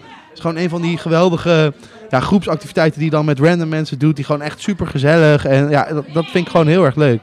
Vooral om gewoon een beetje ehm, buiten je, je classic EW ehm, even dat RSG-gevoel weer terug te brengen. Dat je even met z'n allen bent. Even gelijk een mooi bruggetje naar wat, wat ik eigenlijk ook eh, wil zeggen. Ehm, ja, die, die filmavond komt natuurlijk van eh Cinemagie, wat op een gegeven moment is eh, opgeheven. En ik vind het stiekem jammer dat het opgeheven is. Ik snap dat dat niet meer echt werkte. Maar dat was ook weer zo'n commissie waar je één leidraad had, maar dat ja, de creativiteit weer helemaal los kon gaan. En ik vind het jammer dat dat dus weg is, omdat die, eh, die plek kunnen bieden op RSG. Zo'n commissie die heel, ehm, heel leuk is en heel, ja, heel arbitrair. Waar jij, wat jij wil doen, kan je gewoon doen en er is geen limiet. Ik vind het jammer dat, dat, dat we dat nu... eh, dat, dat we dat nu mislopen. Dat we, dat, dat we daar net één commissietje minder voor hebben. Ik denk dat, dat, dat ik namelijk als ik na mijn Kilweekjaar, als daar cinemagie nog bestond, dat ik daar zeker wel interesse in had. Omdat je daar toch wel weer het vrije denken weer los kan, eh, Ja. los kan laten. Ik snap dat wel. Ik denk, ik denk alleen wel dat het ergens misschien. ehm, het ergens misschien niet, niet per se slecht. Ja, ik, ik heb Synologie nooit meegemaakt. Maar. eh, en dit is ook wel iets waar we actief mee over na denken met een kulweek. Je weet dat er gewoon op RSG best wel vaak en best wel snel een soort oversaturatie is aan, eh, aan constante activiteiten en, en dingen waar, waarvoor je mensen moet hypen, zeg maar. En zeker in de, de periode waar, waar zo'n kulweek plaatsvindt, dus een beetje februari. Dat de SOS-agenda helemaal bomvol staat met, eh, met een DS van dat dispuut en een eh, activiteit hier en een actieactiviteit. Ja, ja, en, en ik heb het idee dat... Zeker in een lustrumjaar ga je dat helemaal... Ja, en zeker een Eh, lustrumjaar dat inderdaad. weer helemaal. Eh, Zo'n Kulweek staat ook eens een keer helemaal los van het lustrum in principe.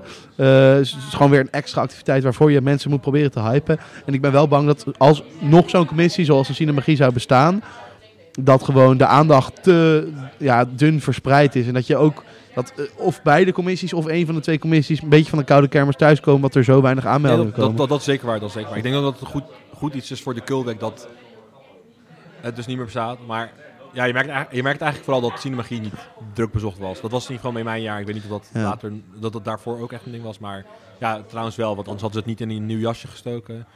Maar eh, ja, er is natuurlijk geen goede oplossing. Je kan het natuurlijk kijken, ga je, je moet of de stop eruit halen of kijken hoe gaan we het helemaal omvormen. Maar ja, er is een limiet op hoe erg ik het kan omvormen. Ja, en ik, ik denk, ik, wat mij betreft, ik gun iedereen in zijn RSG-tijd zo'n zo'n leuke random commissie als, als de actie of de Kulweek. En er zijn er vast nog een aantal. Eh, maar eh, ik, ik denk ook inderdaad dat als je dat soort commissies, dat je daar op een gegeven moment te veel van gaat hebben, dat het dan ook voor niemand meer leuk is. Want ja, je, je, je wil natuurlijk... een van de weinige commissies waar ik ook wel eerlijk over durf te zeggen, je leert er vrij weinig van. Als het enige wat je ervan leert is ehm, in commissieverband werken, maar ja, dat leer je in elke commissie. En elke andere commissie die ik heb gedaan, heb ik wel het gevoel dat ik echt een specifiek iets of een specifiek, eh, eh, dan is het maar een, of een skill of ja, ik heb daar wel meer geleerd in die zin Ja. dan van de kulve. Nou, het is natuurlijk ook, het is natuurlijk ook wel ergens wat je, wat je op je neemt natuurlijk. Want ik denk wel, stel je voor, ehm, je neemt in een kulweek het voortouw met bijvoorbeeld een artiestje regelen of ehm, het fixen van een externe locatie of iets. Of, of je doet bijvoorbeeld questor. Er zijn natuurlijk wel, is natuurlijk wel eh, ingangen waarin je dingen kan leren. Maar ik denk inderdaad dat in, in de basis De- zijn, de- zijn er is commissies waar je op een veel, veel eh, duidelijkere, actievere manier kennis opdoet. Precies. En dat is ik denk denk ik wel belangrijk is bij RSG. Dat eh, RSG ook een plek is voor leden als die daar natuurlijk behoefte aan hebben. Het hoeft natuurlijk niet per se. Maar als leden daar behoefte aan hebben om ze te kunnen helpen met ontwikkeling. Want je bent natuurlijk gewoon jezelf een paar jaar aan het ontwikkelen. Daar is je studententijd. Ja, nee, absoluut. Maar ik denk dat een wel. Ik denk dat Kulweek twee mooie functies heeft. Ehm, of het kan een, een gateway-commissie zijn voor, voor nieuwe eh, leden. Om een beetje be- bekend te raken met het idee van een commissie. En hoe gaat het nou eigenlijk in zijn werk. En misschien wil ik er volgend jaar wel iets, iets anders doen of iets groters doen. Dat was het bij mij heel erg. Precies, nou dat heeft bij jou heel erg goed gewerkt. Ik denk dat dat natuurlijk heel nuttig is. Ehm, ja, en dus voor, voor RSG'ers zoals ik, die eh, nou in principe al gewoon een beetje gedaan hebben wat ze willen doen op de vereniging.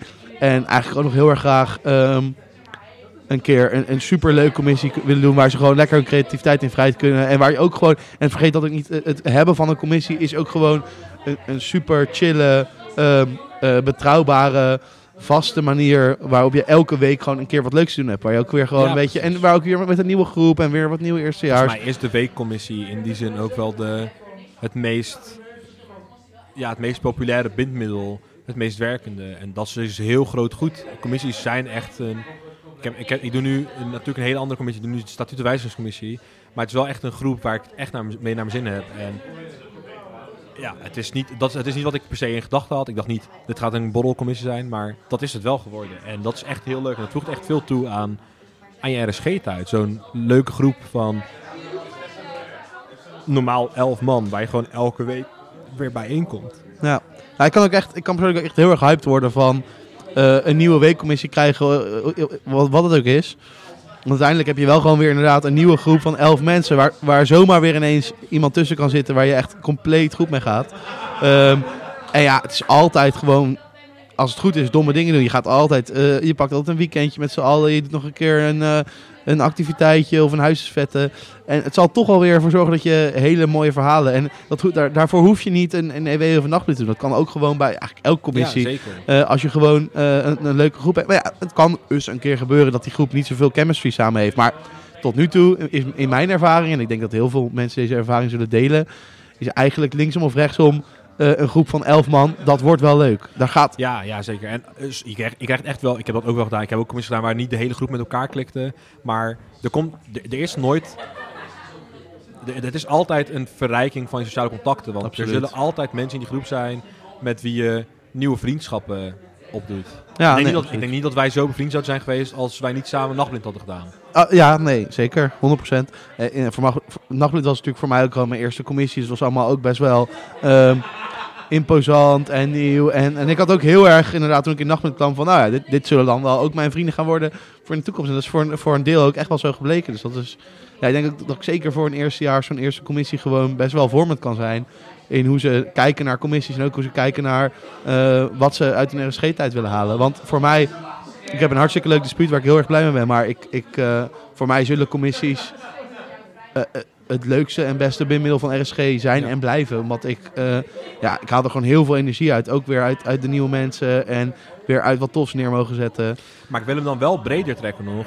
Dat eigenlijk elke commissie dat wel heeft. Dus zelfs zo'n... en dit is vooral misschien interessant voor de luisteraars die niet thuis zitten met... Ik heb geen commissie gekregen. Maar zelfs zo'n BC of een fotocom of een absoluut, promcom, absoluut. Ja, Die absoluut. kan, dat, die kan als groep heel leuk zijn. Ik heb, in mijn eerste jaar ben ik bij de BC gegaan. En ik heb sindsdien... Ik denk dat dat mijn favoriete groep eh, is op sociaal niveau binnen de hele vereniging. Omdat ik dat, gewoon, dat zijn gewoon mensen met wie ik op zo'n panddag dan kom. En dan kom je eens in de vijf weken kom bij elkaar. Maar dan is het altijd lachen, gieren, brullen. Met Ja. elkaar echt gezellig hebben. En je hebt gewoon hetzelfde doel voor ogen. Ja, en BC En- is denk ik een perfect voorbeeld van een jaarcommissie die ook wel echt een eigen cultuur heeft. Ja, precies. Ehm, en, en ik denk, ik denk wel zo'n dat... zo'n fotocom kan dat ook bijvoorbeeld hebben. Als Nee, het ja, gewoon een het- gezellige groep is. Natuurlijk, dat, dat zou kunnen. Maar ik denk wel dat je, eh, dat je een voorzichtige ja, demarkering mag plaatsen van... Nou, ik denk dat een BC als jaarcommissie is natuurlijk wel een, eh, een, een groep met een echt een eigen cultuur... En, ook heel veel activiteitjes, dit soort dingen. Ik denk niet dat elke jaarcommissie daarmee vergeleken kan worden. Maar er zijn veel jaarcommissies waar je echt als eerstejaars... of als op dit moment commissieloze... eh, als je daar je interesse in aangeeft en je, en je laat een keer je gezicht zien... dan kan je er easy bij. Ik denk dat een BC daar een goed voorbeeld voor is. Maar ook, eh, denk ook een redelijk eh, lage drempelcommissie is bijvoorbeeld een Comcom. Er zijn ook heel veel leuke mensen De bij. Coco. De Ik heb heel veel is- leuk ja, contact ja, gehad met de Coco. absoluut, Dus dan, ja. de Coco is natuurlijk weer een hele andere commissie. Want je zoiets noemt elkaar met de hele commissie. Maar je bent gewoon met z'n tweeën steeds bezig. Maar hele leuke gesprekken en hele interessante gesprekken. En zeker met mensen die je eigenlijk nog die anders nooit had gesproken. Maar omdat je samen gaat koken, heb je, een, ja, heb je, heb je gewoon over eh, ja, hele diepgaande dingen soms. Nou ja, absoluut. Snap ik heel goed. Ik eh, zie dat de tijd een beetje dringt dat we moeten gaan afbouwen omdat de soos eh, dicht gaat. Oh jeetje. Heb jij nog een eh, leuk afsluitend woordje van, naar de luisteraars? Je mag me zelfs helemaal afsluiten voor de hele... heb, je een, heb je een vaststaande afsluiting of is het Nee, het is altijd een beetje... een beetje, een beetje wat een beetje aanvoelen? Een beetje. Ja, een beetje wat, het, het is een beetje wat, welke boodschap wil jij de luisteraars meegeven? Lieve jongens en meisjes thuis. Ik hou van jullie.